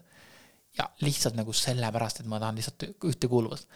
nüüd, kus ma tean seda, siis kui mul tekib poes see mõte, siis ma saan valida, kas ma tahan seda jäätist või ma tegelikult tahan äkki kellelegi helistada. äkki ma tahan sõbraga kokku saada mm -hmm. või ma lähengi koju Liisi juurde nüüd. mis emotsioon see tegelikult taga on ja, ja kuidas saaks seda lahendada võib-olla või pakkuda sest me väga tihti me ei pane tähele neid asju ja see ongi mm -hmm. see, mhm. miks nagu sellele asjale keskendumine nii palju asja mõjutab. aga see ongi see, et see on teekond ja seal teekonnas võib erinevaid asju öelda, noh, ongi nagu ma ütlesin, mul on olukordi olnud, kus naine on mehest lahti läinud, sellepärast et ta sai aru, et see, see ei teeninud teda mm. -hmm. ja see ongi, pärast tuli välja, et veel vahetas töökohta ja mida iganes veel, eks ju. sest need kõik on nagu, me oleme väga tihti endas kinni, enda praeguses elus. ja noh, minagi olin tegelikult väga palju end, nagu enda selles nagu arvutimängudes, kõiges selles nii kinni, et kui ma sealt nagu välja tulin ma olingi teistsugune inimene ja see andis mulle võimaluse nii palju asju, mida ma see aasta olen teinud endal tänu sellele, et ma olen Wildfiti coach olnud. Siis kui ma nagu läksingi, kõigepealt on kolm kuud sõda, siis mul oli veel neli kuud oli coach'i õpet. et kui ma otsustasin coach'iks minna, siis sinna ma läksin tegelikult selleks, et oma ema tervist päästa, kuna ma mõtlesin, et ma niisama ei hakka talle asju ette lugema, vaid ma õpin ikka coach'iks, siis mul on õigus neid asju jagada mm. -hmm. ja kuidas mu ema saab nüüd aiamaal, nagu ta oligi see, kui ta selle ära tegi see oli suvi, kus ta sai aiamaal ilma pausideta päevi, päev, oma päevad ära veeta niimoodi, et tal oli mingid asjad ära teha. ta ei pidanud tegema iga poole tunni tagant pausi ta saab käia jalutamas. Ta sai, me käisime see suvi Norras nüüd, kus ta sai nagu jalutada niimoodi, et ta ei pea, ei pidanud nagu iga kahe minuti pärast seisma jääma korraks. et see on nagu, kui palju meie elukvaliteet saab olla parem, kui me nagu tegeleme oma tervisega. ja siis muidugi noh, see menta-, vaimne pool minu jaoks, siis ma sain suhtesse sealt nagu edasi kõik see, et ja nüüd see aasta ma olen käinud Toronto laval esinemas Äh, me käisime, nüüd alles just jõudsin tagasi Aafrikas, kus me käisime nagu nende pärismaalaste juures, kes tegelikult ka tegelevad selle koriluse ja jahipidamisega. et näha, kuidas tegelikult nemad elavad, kui terved nad on. seal olid naised, kes nagu uurisid ka nagu need tänapäeval, mis naiste mured on, perioodid, et on väga valusad ja väga pikad. Äh, kuidas on rinna äh, imetamisega teemad, kuidas neil ei ole neid muresid mm. -hmm. sest nende toitumine ja elustiil on hoopis teine nagu kui nende, nende, me saime ka nendega vibudega nagu võistelda, kes saab pihta, eks ju. kui rasked nad tegelikult on ja kui kergelt nemad neid äh, vinna tõmbavad. ja siis vaatad, neil ei ole mingi, nad ei ole mingid jõusolipõkid, nad on hästi tegelikult väikeste kätega, aga neil on nii palju jõudu seal musklis. sitked. see on ülimalt äge näha ja kuidas nad nagu suhtuvad ellu ja kõik see, et et nad teavad, neil on tsivilisatsioon ümber, nad saavad seal minna. osad inimesed on läinud tsivilisatsiooni ja nad on läinud tagasi, sest see elu, mis neil seal on, on palju õnnelikum mm. -hmm sest nad ei pea muretsema, jah, nad käivad jahil ja saavad toidu kätte, võib-olla mõni päev ei saa toitu, aga nad on õnnelikud. sest nad ei pea muretsema, mis toimub maailmas, nad ei pea muretsema, kes kelle poolt hääletas, kes, kes, mis probleem jälle on, jälle mingi majandusseisud. Lähed järgmine hommik jälle jahti pidama, saad, vaata, kas saad kellegi kätte või mitte, eks ju. jah, see on sihuke, ta ongi, see on nii sügav ja, ja ühendatud teema, et kui, vaata, kui uurija ei tea, siis äh, ei oska neid pusletükke kokku panna, aga kui sa oled selles teema, teemas nagu sees olnud pikalt ja aastaid ja tegelenud sellega, ise saanud ka kogemuse, eks ole, millest sina räägid siin ja mida mina olen samuti saanud ja kuulajad, ka, kes siin kogenud on seda terviseteekonda, siis mõnes mõttes on ta nagu põhjatu valdkond ja, ja teistpidi on ta äh, niivõrd kihvt just selles osas, et äh, kui palju asju tegelikult on seotud äh, pisikeste sammudega ja kolmandana loomulikult on see minu jaoks võib-olla mõnes mõttes kõige keerulisem koht olnud, et ei ole ühte ega õiget, vaid on see individuaalne lähenemine, sest me oleme inimestena mikrobiomid nii unikaalsed ja minul on seda raske olnud mm, mõnes mõttes leppida, sest et äh, väga pikalt on olnud uskumus, eriti algusaastatel, et äh, taimetoitlus on kõige parem. paraku see kõigile ei sobi, äh, mis iganes põhjustel, nii nagu ei sobi kõigile olla segatoitlane või karnivoori dieedil, mis iganes. et mulle tundub, et me siin läheb võib-olla veel sihuke kümme-viisteist aastat võib minna aega, enne kui me saame aru sellest, et et äh, kuidas võib-olla määratleda seda, mis kellelegi päriselt nagu sobida võiks ja mis tingimustel, et täna on see ikkagi veel nii toores ja puhtalt sinu enda vastutada ja kompida nii-öelda. ja, ja selle koha pealt on ka muidugi nagu, selle koha pealt on juba tööstusharud välja arenenud, kes teevad sul DNA testi järgi sulle dieedi ja kõiki muid asju. ja, ja seda ka tahetakse ära kasutada, sest mida individuaalsem see on sulle, seda, oh, nii äge, eks ju. aga tegelikult, mis on, on see, et meil inimkehana on mingid vajadused ja, ja miks ma käin, miks ma sinna Aafrikasse läksin, miks ma tahtsin näha, kuidas me tegelikult inimestena arenenud oleme. jah, see ei ole see, kus me tulnud oleme, aga see on minu arvates kõige lähim, mida me hetkel näeme, kus Aafrika selles nii-öelda bush'is või selles sava-, mitte päris savann ta ei ole, aga sihukest põõsastikus mm -hmm. kasvanud oleme, et see on kõige lähim, mis me praegu võib-olla saame sellele. aga vaadata seda, kuidas nad seal arenenud on, mida nemad toitu, siis ongi tegelikult see, äh, mis mina näen nagu noh, taimetoitluse, karnivõri, selle, segatoitluse. see on nagu väga suur spektrum ja kui me jälgime ühte või teist äärt, siis me peame nagu väga teadlikult seda tegema. kui me oleme seal keskel, siis me saame lihtsamini pääsema. aga me peame ikkagi tegema õigemaid valikuid, nagu, et mis nagu on meil asjalikud. ja see on ka põhjus, miks me Wolfitis nagu ei loe kaloreid, me ei mõõda mingit äh, toidukogused välja. sellepärast, et seda ei oleks tehtud. kui me sööme õigeid asju, siis ei ole vahet, mul on olnud, mul oli naisterahvas, kes jälgis kaloreid ja ta sõi üks koma viis oma päevasest normist ja ta kehakaal langes. Sest sest tegelikult see, mis meie nominaalne päevane norm on, see on lihtsalt suvaline number. see on nii erinev inimesest inimesele. Ja mis kõige olulisem on see, et kui meil keha teab, et tal ei ole vaja salvestada, siis see tuleb lihtsalt teiselt otsast välja. Mm.. tal ei ole vaja koguda seda ja kõige olulisem, ta saab selle vana lahti lasta, sest vana rasv on täis toksiine, täis igasuguseid vanu hormoone, väga mingit jama, mis tuleb välja lasta. ta, sest rasv on tegelikult kaitseorgan, ta kaitseb meid füüsiliselt, aga ta kaitseb ka meid sisemiselt ja me peame seda vahepeal puhastama, vana lahti laskma, uue peale panema, kui me tahame näiteks soojemad olla, eks ju mm. -hmm. et, et see on nagu konstantne protsess, näha seda, kuidas on, et meil inimestena, meil on mingid requirement'id oma toitumisele. ja mingil määral, kui me vaatame, kuidas nemad seal elavad, et nagu nad ka söövad liha, nad söövad ka muid asju, vaatame koguseid, siis kindlasti need, kes me ütleme tänapäeval iga, iga eine liha söövad, siis see ei ole inimesele kõige normaalsem. aga meil ongi see feast and famine, et meil on vahepeal, me saame hästi palju, siis me ei saa üldse et see balanss ja kõik need, kuidas meie organism on arenenud paastuma, kuidas ta tegelikult kasutab ära seda, et me paastume. see ei ole ainult see, et, et ta saab hakkama sellega, vaid reaalselt meil on mehhanisme kehas, mis vajavad seda. ja, ja niimoodi, kuidas me oleme nagu selle poolt arenenud, et see ongi, et ühelt poolt on, muidugi on erisused inimesed inimesele, aga on ühed põhitõend mm, -hmm. mis tegelikult nagu kehtivad kõigile ja mõnes Wildfitis me nagu räägime nendest, laseme inimestel kogeda seda. ja see, kuidas inimene sealt individuaalselt edasi läheb see on juba nüüd inimese enda otsustada, kas ta, ja seal on ka variante, kas ta teeb selle coach'iga koostööd edasi, ta läheb oma teed, sest kõik materjalid on sul olemas, leiabki endale selle täpse tee ja, ja see on, see ongi, annab selle võimaluse selle, selleks luua, et, et see baas on meil arvatavasti enamustel väga ühtne. aga see, kuidas seda optimaalsemaks teha ja seal ma sain ka üheks aru, kui ma ühe oma sõbrannaga arutasin, kes bikini fitnessiga tegeles, kus meil oli ka väga palju arutelu toidu teemal ja, ja siis ma sain ka aru, et, et Wildfitiga on võrdlemisi nagu tervislikku keha võimalik saada mm. -hmm. aga see kindlasti ei ole optimaalne. sest kui sa tahad olla mingi peak performance, siis seal on kindlasti asju, mida sa pead teisiti tegema mm. -hmm. sest. sõltub, mis su eesmärk tegelikult on. jah, nii on ähm,. mul oli nüüd küsimus äh, seoses oh,, tuleme selle juurde, et ähm, ilma võib-olla väga, väga nagu detailides minemata, aga too, too võib-olla mõned näited äh, või soovitused. Ähm, kui inimene, kes meid täna siin kuulab või sind täna siin kuulab, mõtleb, et okei okay,, ma tahaks midagi oma toitumises muuta, siis mis võiks olla üks või kaks asja, millele võiks tähelepanu pöörata, millest võiks alustada, kus sa arvad ja kogemuslikult näed ja võib-olla ka teadus mõnes mõttes töötab, eks ole, või toetab. et kui seda teed, siis suure tõenäosusega sa võid seda positiivse asjana kogeda.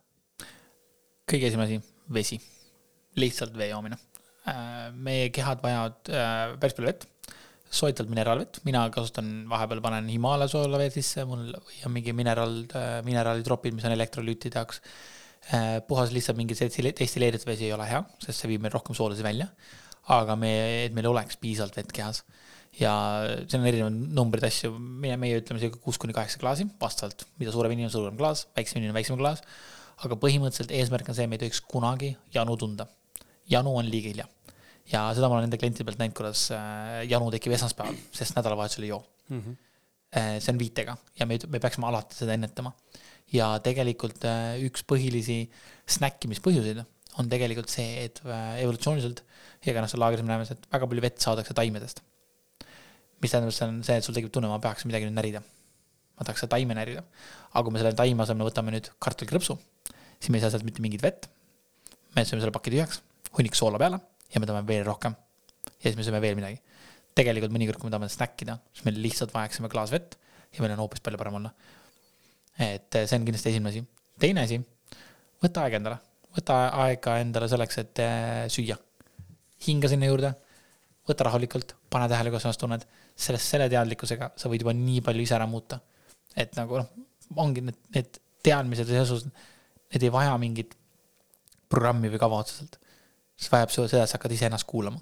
sest vesi annab sulle selle põhjuse, et sa, sul ei ole seda janu, mis seda kõike matab, vaid siis sa saadki hakata lõpuks kuulama, mis sa tegelikult need asjad maitsed tunnevad ja mida vähem me oleme näljased, et kui sa sööme nagu tervislikumat toita, siis me muutume natukene äh,, oleme paremini nagu toitainetega varustatud, sest äh, väga tihti tänapäeva ühiskond on see, et meil on toitainete nälg, meil on puudus toitainetest, aga me oleme kaloritest üle söödetud. Ja, ja see ongi see koht, kus me hakkame neid paremaid valikuid tegema. siis, kui meil on toitaineid piisavalt, vett piisavalt, siis võib-olla me tegelikult ei taha enam nii palju neid teisi asju süüa, sest meil on kõik olemas. meil lihtsalt keha meile praeguses ühiskonnas, mida ma näen kõige rohkem, on see, et meie keha ei tea, mida süüa, sest meil ei ole kunagi see, et nii, nüüd ma tahan B-vitamiini, nüüd ma tahan C-vitamiini, ei, ma tahan midagi. Ja siis sa haaradki midagi. siis sa haaradki midagi. emotsionaalselt. ja siis sa võtad selle, mis sulle esimene kätte juhtub, sa võtad selle, mis on kiire, sa võtad seda, mis on sul mugav, mida sa oled harjunud, mis annab selle kõige parema maitsekogemuse, mis on disainitud spetsiaalselt sinu keelele. sest nagu reaalselt on olemas nagu niinimetatud kemikaaliettevõtted, kes teevad maitseid mm -hmm. selleks, et su burger või asi maitseks täpselt sellisena, nagu sina tahad, et ta maitseks sellepärast, et see on see, mis paneb sind uuesti ostma. mis sest, et sellel pole mitte mingit maitseväärtust või noh, toitainete väärtust, no maitse on olemas, väga suurepärane. Aga tegelikult toitaineid ei ole. ja siis me söömegi tühja ja siis me tahame veel, sest me ei ole tegelikult oma toitainete varu ära täiendanud ja siis me tahame veel ja veel ja siis me lihtsalt sööme nii palju, kui jõuame. et mina ütleks, et vesi, lisada mingeid häid asju sisse ja see on kaks pea, pea, no ongi, kui üks printsiip on see, et toit, toiduvabadus on oluline, et me saaksime vabalt valida, et meil ei tunneks piiramist siis teine on see, et mida rohkem me saame häid asju, see on põhiline. Nende teiste asjade ärajätmine on vähem oluline, sest mida rohkem häid asju sisse panete, siis need teised asjad hakkavad ise ära kaduma mm. -hmm. Need on head mõtted, ma arvan, et siit äh, inimene saab endale midagi katsetada, sest et äh, tegelikult sinu seda saadet siin praegu kuulame, siis on äh, jaanuari tõenäoliselt kas alguspaiku, keskpaik käes ja on hea mõnes mõttes nagu keskenduda noh, tegelikult on iga aeg hea muutusteks, aga me teame isegi väga hästi seda enda kogemust samamoodi. otsid neid tähtpäevasid või mingisuguseid kindlaid aastaarve teinekord või mingid kindlad kuud või mingid kindlad päevad, millal võtta ennast kätte, eks ole. ja tihtipeale nad kahjuks, kahjuks nii ei lähe alati, aga on loomulikult olukordi, kus need tõesti peavad paika ja sul ongi see suur drive ja põhjus või mingisugune motiiv olemas.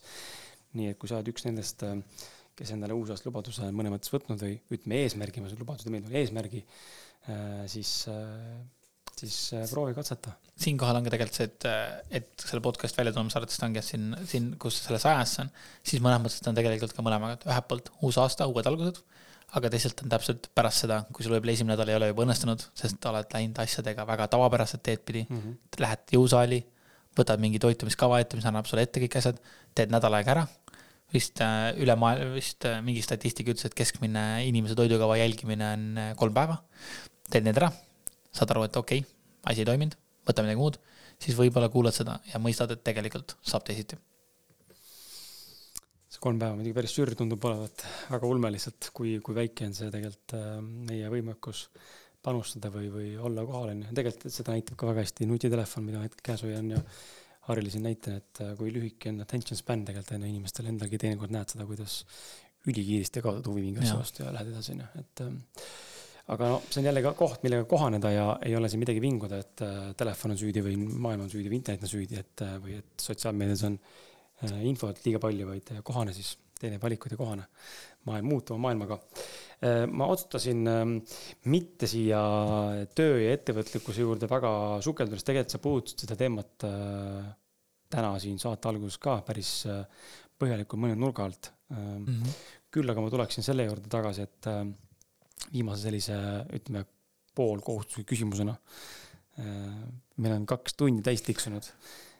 küsiksin siis niimoodi võib-olla, et kui, kui sa peaksid mingil põhjusel täna kukkuma samasse seisu, kus sa olid enne, kui sa enesearengu tee leidsid, ehk sellesse depressiivsesse seisu, sellesse enesetapumõtetesse, sundmõtetesse üldse sellisesse masendusse, mis iganes põhjusel, loodetavasti seda ei juhtu, aga kui peaks juhtuma, siis mis oleks sinu game plan?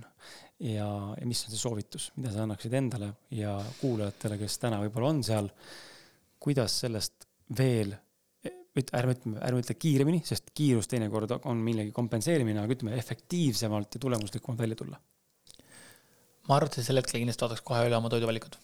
mm. -hmm. et kindlasti ma usun, ma sel hetkel olen söönud väga palju süsivesikut, kas siis äh, neid, mida ma hetkel isegi enam ei, praegu ei vali, aga noh, see ongi see, et kui me satume mingisse väga suurde auku, siis me ei tea, mis meie aju lõpuks teeb. aga ma vaat-, äh, võtaks selle ette, äh, aga samal ajal ka puuviljad. ma olen täheldanud ka siiani, et vahepeal stressirohkedes perioodides ma hakkan väga palju banaani sööma näiteks, sest mm. banaan on turvaline, ta on alati ühe maitsega, ta on odav, lihtne kätte saada, lihtsalt söö bana-, sööd banaani toidab ja lihtsalt paned seda kogu aeg enda suu sisse, aga tegelikult seal on nii palju süsivesikuid, seal on väga palju suhkrut ja see kohe mõjutab asju ja siis ongi, sa hakkad veel rohkem tahtma. et esimene asi, ma kindlasti vaataks selle üle, et mul need oleks paigas äh,. vee joomine, et see on see toitumise koha pealt, vaataks üle. ja teine on see, et äh, sunniks ennast mediteerima uuesti. et äh,, et need on need kaks asja, mis peaks olema paigast ära, sest niikaua, kuni need on paigas, ma ei näe, et seda mul juhtuda saab. et noh, praegu ma näen kõige hullem asi saabki juhtuda see, kui midagi perekonnas juhtub et see on ainuke, mis ma näen, mis võib mind kukutada. et muul juhul ma nagu tunnen, et ma, ma ei, ma ei lähe enam sinna tagasi mm, -hmm. sest äh, see ongi see teadlikkuse koha pealt. aga, aga ma tunnengi need, kes on seal, mul on, mul oli ka üks klient, kes oli äh, just lõpetanud ka oma antidepressantide ravimist, ta ei tahtnud neid võtta rohkem. ja ma märkasin märkimisväärset vahet seda, kui ta muutis oma toitumist. aga jällegi, kui tõsiselt sa neid, seda teed, need asjad nagu kestavad täpselt nii nagu kestavad, et mina näen, et Wildfit on väga püsiv aga eks see on ka sihuke, et sa pead nagu teadlikuks jääma. aga kui sa lähed nagu uuesti sinna, ongi see, et, et kus, kuidas on sul meeles seda, et sa nüüd vaataks ette, kas sa, kas sa toitud hästi, kas sa jood õigeid asju. sest niipea, kui sa lähed auku, sul tekib eba, sa ei viitsi asju teha. võib-olla on see sõltuv, kui see on sõltunud sul tööst, jääd rahast ilma, kuidas sa siis tervislikult toitud, eks ju. alles hiljuti ma tegin mingit kapsautist. ühe toidukorra hind oli alla kahe euro mm. -hmm. praegu käid väljas söömas, sa maksad keskmiselt kaheksa-üheksa eurot et tegelikult ei ole toitumine, tervislik toitumine ei pea kallis olema. kui sa ei, ma, mis ma näen, on see, et tervislik toit on odav. tervislik snäkkimine, kui sa tahad nagu mingeid puuvilju või neid ähm, pähklipatoone, mis on suhkruvabad, siuksed, siis need maksavad. aga lihtsalt tavaline köögivili, isegi lihatooted ei ole ülikallid. aga lihtsalt see ongi see, me tahame sinna midagi ägedat juurde panna. ja kõike seda poolt. et see on nagu keeruline koht. teine asi, mis ma näen seda, on see, et ma ei jätaks ennast üksi ma julgeks sellest rohkem rääkida mm. -hmm. sest äh, kindlasti sel hetkel nagu jah, ma otsisin psühholoogi ja kõike seda, aga, aga ma näen seda, et nüüd ma nagu räägiks kõigile. ja ma soovitaks kõigile rääkida, teil on, kõigil on, kõigil on keegi maailmas olemas. ja see võib tunduda hästi mõttetu inimene. see võib tunduda sihuke inimene, kes nagu, miks sa peaks minust hoolima, sest ta on lihtsalt minu kauge tuttav sõber. Neid inimesi on ikka. sest arvestades tänapäeva sotsiaalmeediat, kui sa kellelegi reaalselt ausalt kirjutad, et kuule, et mul on sihuke olukord, kas sa kuulaks mind? kas sa peegeldaks midagi? ja see on see koht, kus ma nagu näen, see on nagu ülimalt oluline leida see, et see inimene, see peegel, kes on sinuga aus, kes on sinuga tegelikult ka seal kohal, kes hoiab sind, hoiab sul seda ruumi, nagu öeldakse tänapäeval, aga kes lihtsalt nagu kuulaks sind. sest suure tõenäosusega, kui sa need asjad saad enda seest välja rääkida, sest terve, mida psühholoogid, terapeut teavad, nad kuulavad sind ära. sest meil on endal need vastused on sees olemas, siis me peame välja rääkima need mm. -hmm. ja tihti me ei tee seda. ja, ja lihtsalt nagu äh, me tahame ennast nagu peita, sest me arvame, et me oleme üksi selles. aga ma olen täiesti kindel, väga paljudel inimestel on mõned mõtted. ja kui ma oleks võib-olla lapsena ka rääkinud kellegiga seda, ma, ma ei oleks, ma oleks võib-olla hoopis teisel teekonnal, ma ei oleks pidanud kannatama kaheksateist aastat selle all, et ma ei taha eksisteerida. kui ma oleks julgenud kellelegi seda rääkida, kui ma oleks rääkinud oma vanematele, kuule, mul on nagu raske praegu. sest koolis mind kiusatakse, mind ei taheta, ma tunnen ennast väga üksiklikult. ma ei tea, mis nad teha saanud oleks, aga, aga ma ei oleks olnud üksi selles sest see on nagu minu arust see kõige nagu hullem selle aukorras ongi see, me tahame üksi olla seal. aga, ja siis teine asi on see, me hakkame siis kuulama mingit melanhoonilist muusikat, mis viib nagu ei, pane mingi fun muusika peale ja ürita. sama asi nagu väga, väga naljakas olukord on see, et äh, ürita naeratada. ja kui sa lihtsalt nagu fake naeratust teed, siis mingi hetk sa hakkad naerma sest su keha saab aru, et oota, mul on naeratus näos, mul ei ole serot-, meil ei ole, mul ei ole nagu neid happy hormoone, mis värk on, ikka naeratan. Okei okay,, hakkame tootma hormoone, siis midagi on vägest ära, kui mu keha ütleb, et ma naeratan, siis noh, mul on vaja neid hormoone ka, eks ju. ja, ja sul, sul tulevadki need sisse, oksüdoosin, serotoonin ja kõik need asjad, et, et tegelikult need, need meie füüsilisest keha nagu reaktsioonist tulevad asjad, no samamoodi, miks trenni tegemine aitab sellises olukorras. et kõik need asjad on nagu, neid on nii palju, aga ma näengi seda, et see kõige keerulisem on seda, et nagu mõista, et see on okei okay see on okei okay,, et sa praegu niimoodi tunned. ja mida ma ka väga tihti toitumise koha pealt ütlen, see ei ole nende inimeste süü olla selline, nagu ta on sel hetkel, kui nad on. aga see on nende vastutus sellest olukorrast edasi minna mm. -hmm.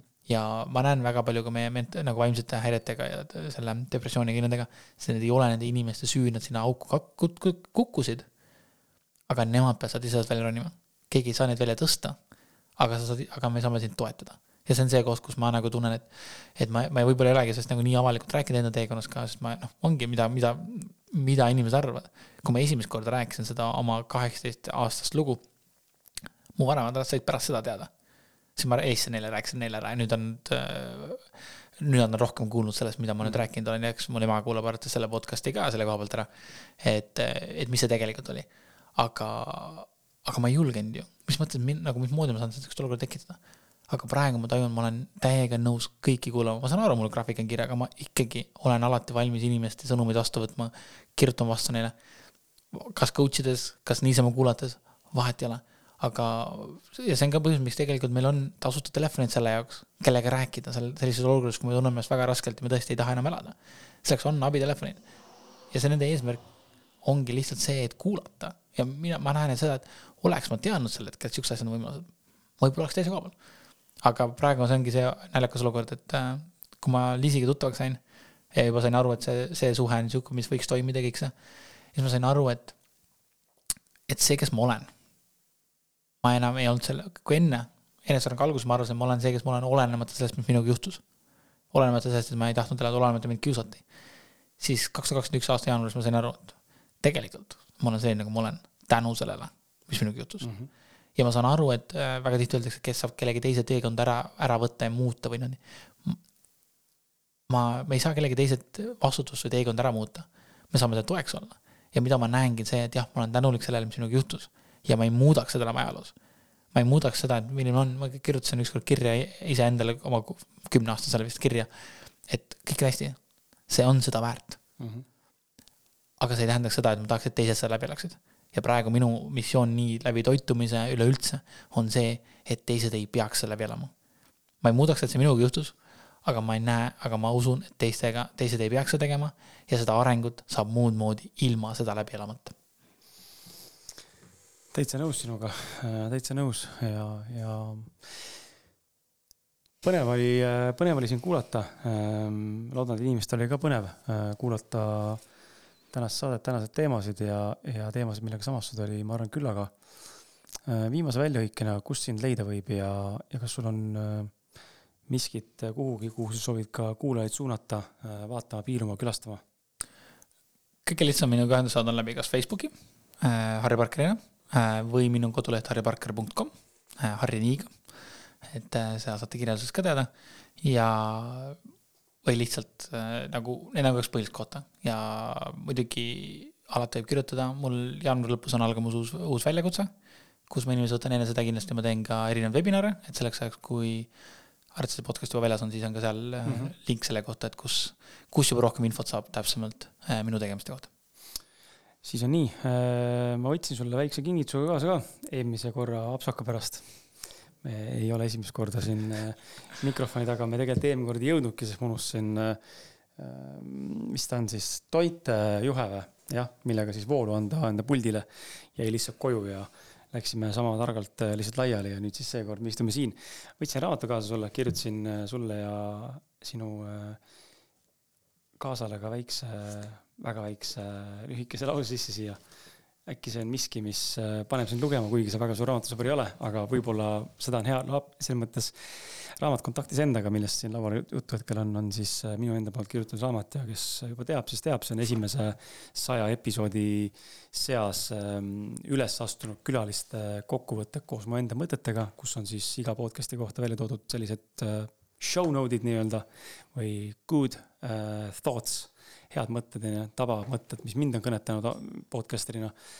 ja, ja seal on ka iga siis külaline on loonud äh,, mitte iga, aga ütleme, peaaegu kõik on loonud siis eraldi veel sellise lisasegmendi, mida nii-öelda podcast'is kas ei räägitud või kus nad tunnevad, tahavad minna sügavamale. nii et äh, loodan, et see on sul äh, mõnda aega öökapil, lihtsalt lapata suvalisest kohast, täpselt sihuke raamat, et äh, tunnete, võtta lahti suvalisest kohast ja loe ja tihtipeale läheb see täppi. järjest lugema ei pea ja ma tänan sind selle kahe tunni ja kümne minuti eest. ma, üks ka rekord kuulub sulle, küll mitte kõige pikem podcast, aga kõige hilisem podcast, mida ma salvestanud elus olen. kell on üksteist õhtul kohe. ma hakkan ennast koju tiksuma, samamoodi sina. ma ei olegi nii hilja podcast'i salvestanud. Ehm, sihuke teistmoodi kogemus. ja aitäh, mul on väga rõõm siin olla ja täiega olen inimeste jaoks olemas ja selle helistega ongi see, et et mul on jätkuvalt inseneritöö, mul on jätkuvalt see, mida ma teen Valfiti maailmas ja ma täiega tahan mõlemat edasi teha ja see nõuabki niisugust ajagraafikut, aga tänu sellele energiale, mis mul on, ma saan seda lubada. ja ma olen nii tänulik siin selle, seda teemat lahkamas ja ma tõesti loodan, et inimestel oli tore kuulata no vot, nii et selliste mõtetega lõpetame ja ma tänan sind ka, hea kuulaja, ja kohtume sinuga juba järgmises episoodis. kui sul on vahepeal tekkinud soovitusi, keda mulle saatesse pakkuda, siis ole hea, viska mulle need kuskile Facebooki või Instagrami või emailile. kui iganes sa parasjagu tunned sobivat ja kui sa tunned, et tahad ise tulla, siis hea uudis on see, et see võimalus on ka olemas. kirjuta mulle ja, ja saame arutada, mis ja kuidas, mismoodi ma tänan veel kord ja mõnusat õhtut või päeva või lõunat. ma ei tea, millal sa kuulad seda, aga olgu sul edukas äh, kaks tuhat kakskümmend neli. tšau.